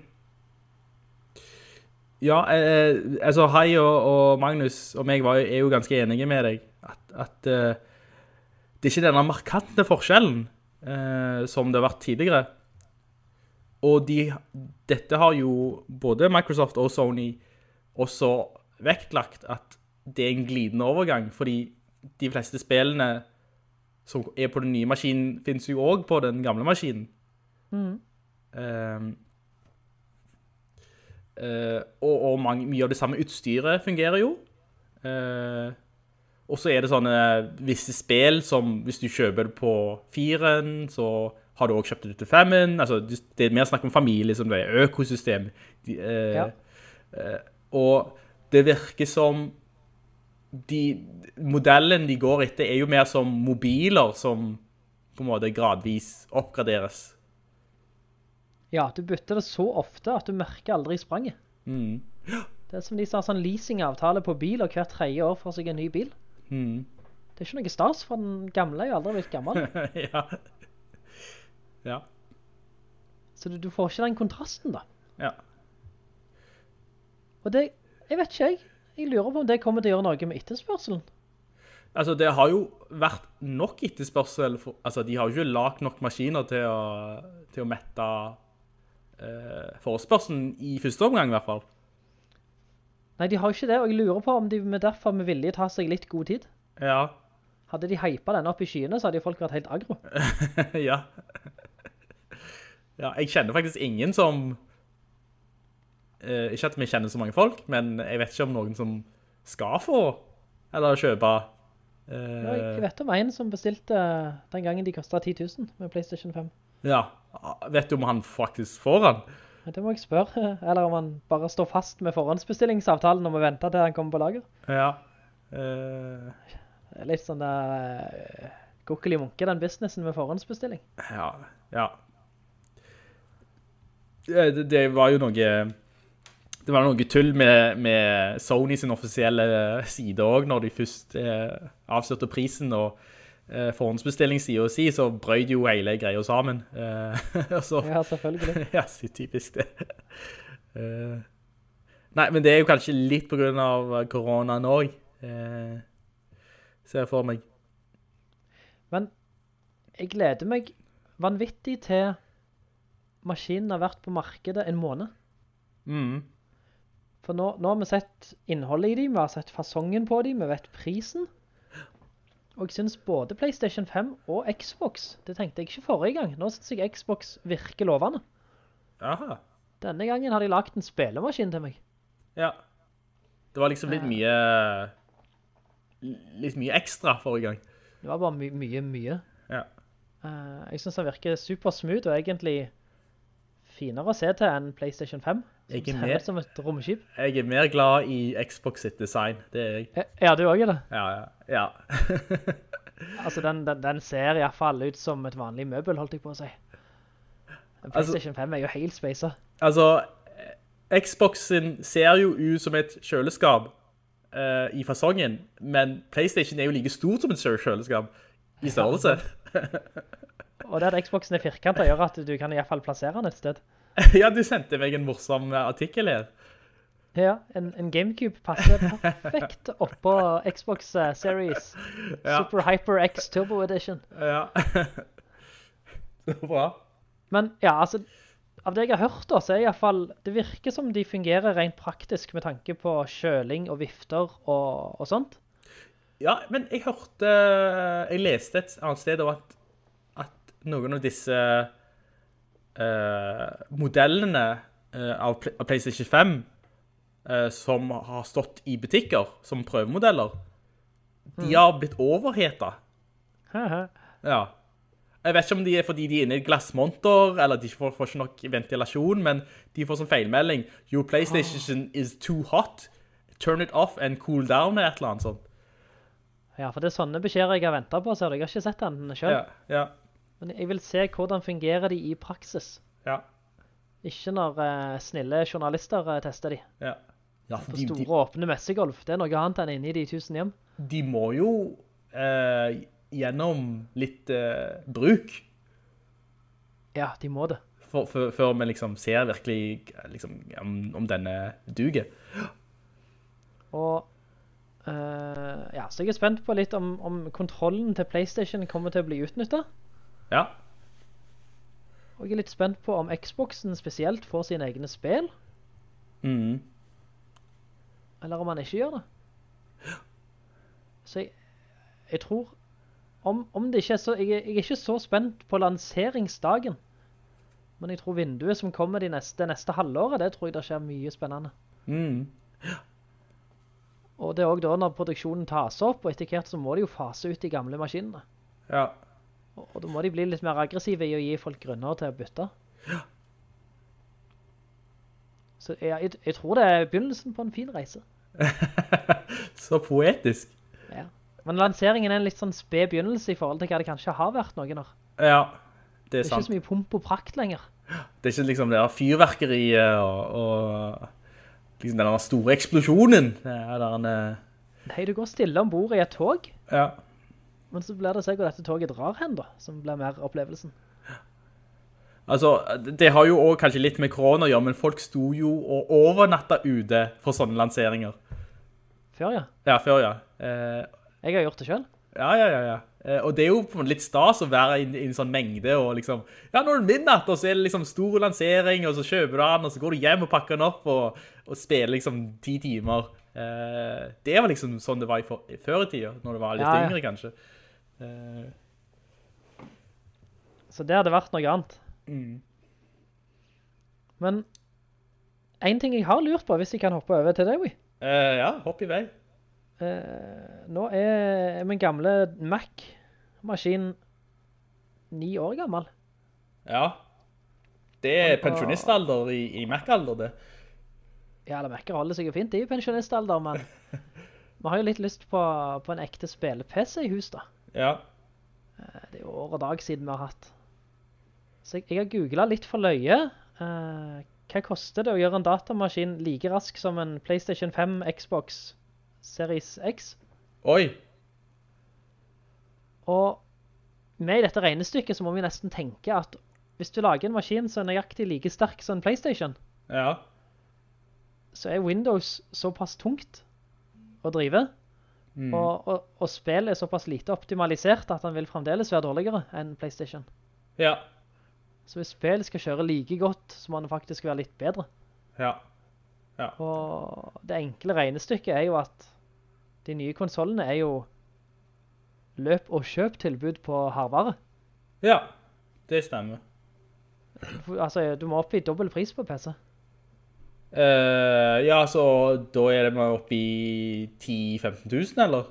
Det er i hvert fall 10-12. 10-12, ja. Klart, da har du andre oppgraderingsmuligheter og sånt senere. Ja. Uh, litt større frihet, men jeg gleder meg kanskje litt. Jeg håper at grafikkløsningene for eksempel fra... Hvem som lager de? Er det Radeon? Uh, Nvidia? AMD, AMD eller er det Nvidia sa det begge to? Eh, en av de i hvert fall. Jeg har ikke peiling. Ja. Jeg gleder meg til de kommer inn i PC-kortet. Ja. Sånn at kanskje PC-en også begynner å ta igjen de nye konsolene litt. For det hadde jo vært kjekt hvis vi først skal investere i en PC. Ja, det er jo... Så Vil jeg jo ikke at den skal være dårligere enn en konsol. Det er jo bare idiotisk. Ja, altså, konsolen har jo alltid hatt det for, fordelen med at de er maskiner lagt for gaming, så de trenger ikke tenke på all denne andre, kan si, at, at maskinen skal gjøre andre ting. Nei, Og, derf- aldeles ikke. og derfor får de jo utnyttet hver eneste mikroprosessor, kan du si. Ja, ja, virkelig. Mm. Men det er derfor jeg tenker de er en fin målestokk da. Mm. Å sammenligne en PC med. Man må, klare cirka det samme. Ja, eh, eh, det, det koster jo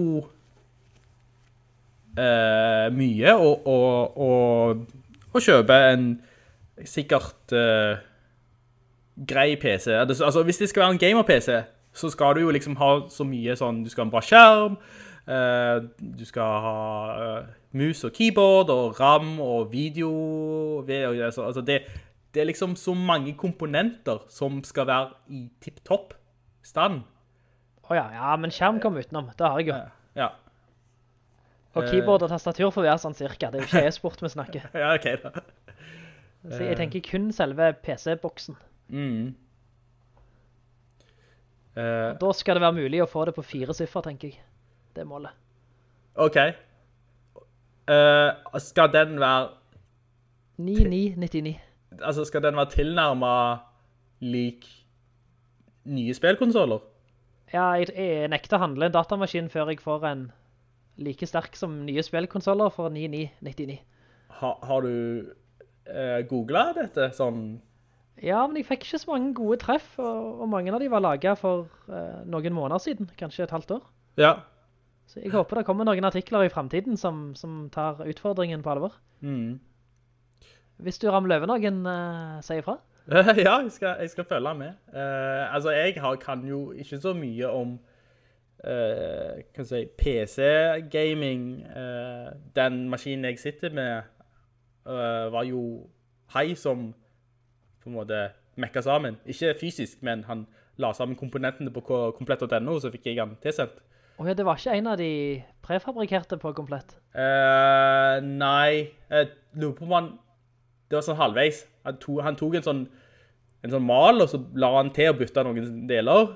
Eh, ja, jeg tror det var sånn. Ja. Eh, men jeg tror, nå er jo den maskinen, kan si, gammel sånn.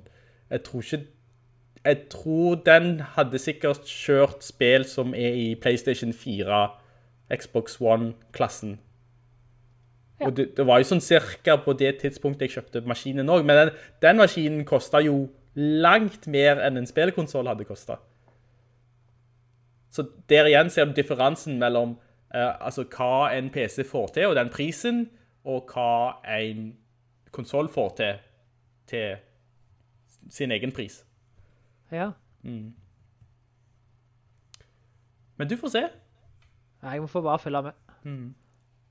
Det hadde vært veldig kult om du også, eh, kanskje du og Tristan kunne hatt sånn, eh, sånn eh, far-sønn-prosjekt om, om å mekke den selv. Ja, jeg, jeg tenkte nesten det. Mm. Eh, Men jeg, det er en jungel av deler, så jeg, jeg skal ikke inn i den akkurat nå. Ja. Men jeg skal følge med litt. Høre på den kanalen. Så skal du jo kjøpe Playstation når jeg kjøper Playstation. Har jeg lov til? Ja, du har sagt det. Men altså, ja, det, det, skjer, det, skjer jo ikke før jeg får et bra tilbud. Nei, men da må du bestille to. ja. For jeg må jo få et like bra tilbud hvis jeg skal kjøpe den. Ja, ja, ja, ja, ja. Altså, hvis, hvis, hvis, og du vet at jeg er nadige, så det skal jo litt til før jeg liksom tar det hoppet. Ja, jeg har jo satt min lit til det da. Ja. Men er du fast bestemt på Playstation? Nei, altså, nå, på en måte, altså, eh, nå, nå er jeg jo inne i økosystemet. Eh, jeg har jo liksom abonnementet mitt der, alle mine digitale spiller der, som vil jo bli overført til den nye maskinen. Eh, og så har jeg jo liksom blitt eh, godt kjent med PlayStation sine karakterer og serier. Så jeg føler jo litt for å fortsette det. Men samtidig så føler jeg meg litt sånn Vil jeg virkelig dette, eller har jeg bare blitt lurt? Skjønner du? Ja, altså sånn rent matematisk, oi. Ja, Så tenker jeg, for å få størst mulig underholdningsverdi, ja, så vil jeg switche frem og tilbake ja, mellom Microsoft og Sony, sånn som vi gjorde denne gangen her. ja. For hvis du nå kjøper deg en Xbox, så har du fremdeles alle de gamle Playstation-spillene dine. Eh, på PlayStation 4? Ja, Ja. altså ikke at du noen gang kommer til å spille de, men du har de. Jeg har det, ja, ja, sant. Og alle de spillene vi har gått glipp av på Xbox, uh, som er gode, mm. de kommer jo i en remastered Ultra Edition nå. Ja, Og så kan vi gjøre det samme neste gang igjen. om ti år. Ja. For klart, når du har spilt Uncharted 7, så er du litt mettet på Uncharted. Ja, Så det gjør ingenting å ta en liten pause fra Uncharted nå. Ja. Og heller fokusere litt på Halo igjen, eller hva søren Microsoft holder på med. ja. Så jeg, eh, jeg tror det kan være eh, gi, gi bredde og, og switche felter. Ja. bytte fil. Frem og tilbake. Spille litt på begge sider. Absolutt. Ja, eh, jeg tror ikke brødrene mine er like glad i den ideen. Jeg tror de er ganske låst til, til sine eh, konsoler. Eh, Dette var de samme brødrene som var låst til Xbox 360. Det var jo sant, ja. Det, var, det er det, sant? Mhm. Eh, Vi, spilte, ja, vi var jo en Xbox-familie. Eh, Så det var det. Men altså, når jeg ser tilbake nå, så er jeg jo glad for at, jeg, at vi valgte PlayStation. Jeg føler at PlayStation har bedre spill enn Xbox. Ja, denne gangen har de hatt det. Ja. Ja, helt enige. Eh, men med sånn kan vi jo ikke vite. Men altså, hvis det kommer en ny Horizon Zero Dawn, ny Uncharted, ny Last of Us, ny Spider-Man, så er jo det serier jeg digger. Nye God of War. God of War, sant? Ja, nei, PlayStation er rå på, på titler. De kan det. Altså, Microsoft har jo, altså jeg liker jo Gears of War og Halo, men så har de en del sportsspill og Forza og bilspill. Ja. Ja. De, de, de driver visst og kjøper opp en del japanske utviklere, noe leste jeg et sted. Ja, stemmer. Det, de har kjøpt opp uh, rubbel og bit uh, i her og der, de. Ja, har de ikke det? Jo. Og det er ganske mange studier som driver og sparker folk på grunn av covid og økonomi og greierne. Mm. Så jeg tror landskapet kan endre seg, jeg. Mm.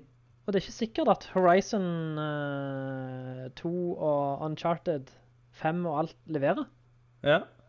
På et eller annet tidspunkt så blir det gjerne metta. Så jeg, uh, vi må være åpne, vi. Ja, det, så bra at meg og deg har litt sånn is i magen og kan vente litt, vente litt grann før vi uh, hopper i det. Ja, jeg, jeg tror faktisk det kan være lurt, og da kan oppgraderingen føles så mye bedre også.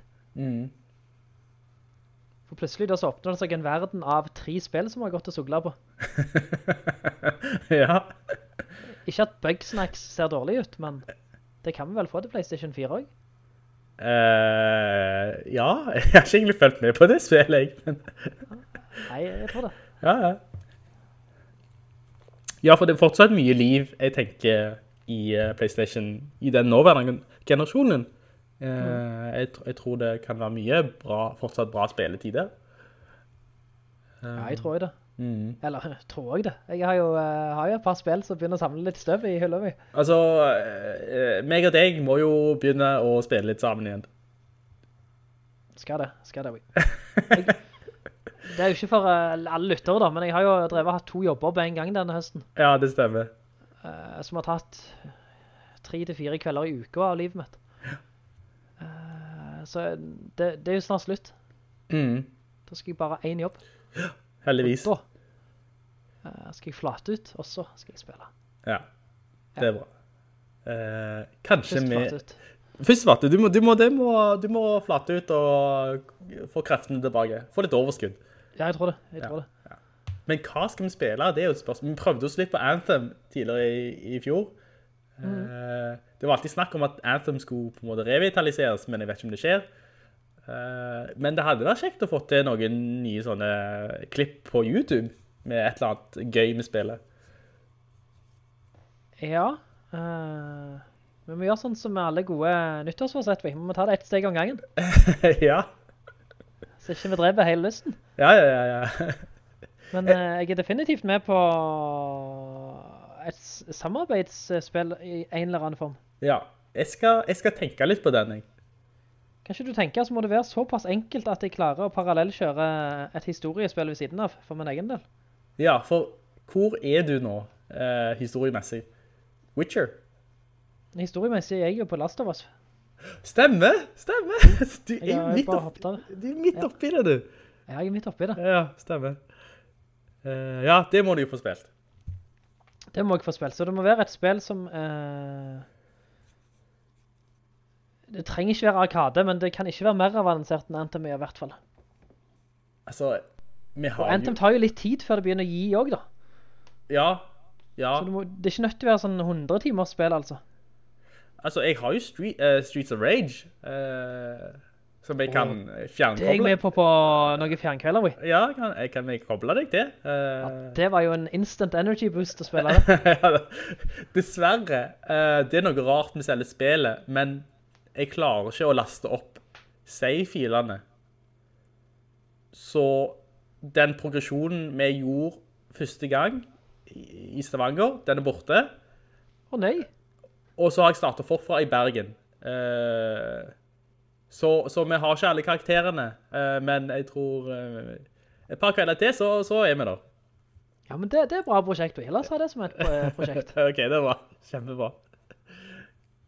Men skal vi, skal vi kalle dette for en podcast? Ja, ja, jeg tror dette var veldig bra. Jeg. Dette det var kjekt å, å høre hvor du er spilmessig. Jeg skulle ønske jeg kunne si i like måte, men du får spilt alt for mye kjekt. Så jeg, jeg vet ikke om jeg synes det er kjekt, eller om jeg blir litt misunnelig. ja, men du gjør så mange andre kjekke ting, Jokke. Uh, Nei, nei, bare tøyset. Det er, veldig kjekt. du. ja, ja, det er bra. Inspirerende.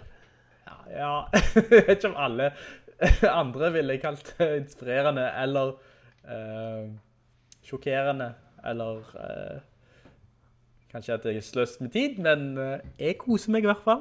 Og hvis jeg koser Nei. meg, så er jo det bra nok. Nei, men det er inspirerende, altså. Ja, ja, noen ser fotballkamper, og så lager de podcast om det. Ja. Er ikke det fint? Jo, ja. Folk må ha sine hobbyer. Noen sitter på en måte i 100 timer og strikker, både i møter og på trikken og overalt hvor de gjør. Og så Ja. har de et skjerf, og så var jo det fint. Ja. Du ser ikke at de liksom blir sett ned på. Nei. Nei, nei, nei. Ja, jeg gjør for, så vidt det, altså. Forbanna strikkepinner som driver og klikker og klakker i møter og... Har du, Jeg opp- tror at de får med seg noe som helst av det som skjer rundt de, altså. om du opplevde det på universitetet? Ja, du er gal med. Jeg opplever det valgt. okay. Ja. Nei, uh, jeg gjør ikke det, men uh, noe skal vi bruke tiden på, Mm. og, og bruke den på spill uh, må jo være helt fortreffelikt. Ja. Og som du sier, så, så er jo ikke spill bare noe du har i kjelleren. Det er noe som går utover, ut i det virkelige livet også, som vi prater om, og eh, som er litt kultur. Ja, ja, det er kultur. Ja. Da tror jeg jeg sier takk for i kveld, Ja, takk for deg, og takk for meg. og så gleder jeg meg til å høre alt det som kom før meg eller etter meg i, i kringkastinga. Eh, jo, det blir begge deler, tror jeg. Ja, Mm. Du blir som en, eh, en sandwich, en hamburger. kult. Det Er jeg osten, eller Uh, uh, vil du være paddyen, eller vil du være osten? Nei, altså, jeg tror, Jokka, du er så fyldig at du, du får være kjøttet. Jeg er fyldig. Du er veldig eh, næringsrik og, og mettende. All right. Var ikke det kompliment? Ja, kjempekompliment. Jeg er ikke jeg skal gjøre av meg eller se engang. Du er en Jokka, du er en munnfold. Wow, da var veldig gøy, paddien. Ja, det var, det var. ja, men nå må runde av det her kanskje, før vi sier noe annet. Er det best med runde av? Ja. Og så får Masterchef snekker sammen det lekre hamburgermåltidet og servere det rett inn i ørene til våre fantastiske lyttere. ja, det blir en kos å gjøre. Nydelig. Da snakkes vi. Da snakkes vi. Ha det bra. Denne episodens avslutningssang er hentet fra Ghost of Tsushima lydsporet. Eh, den er komponert av Ilan Eshkeri og Shigeru Umebayashi, og sangen heter The Way of the Ghost, så det er en veldig stemningsfull og episk sang, akkurat som selve spillet er her, så dere kan bare lukke øynene og nyte lydsporet og tenke dere er tilbake i Japan.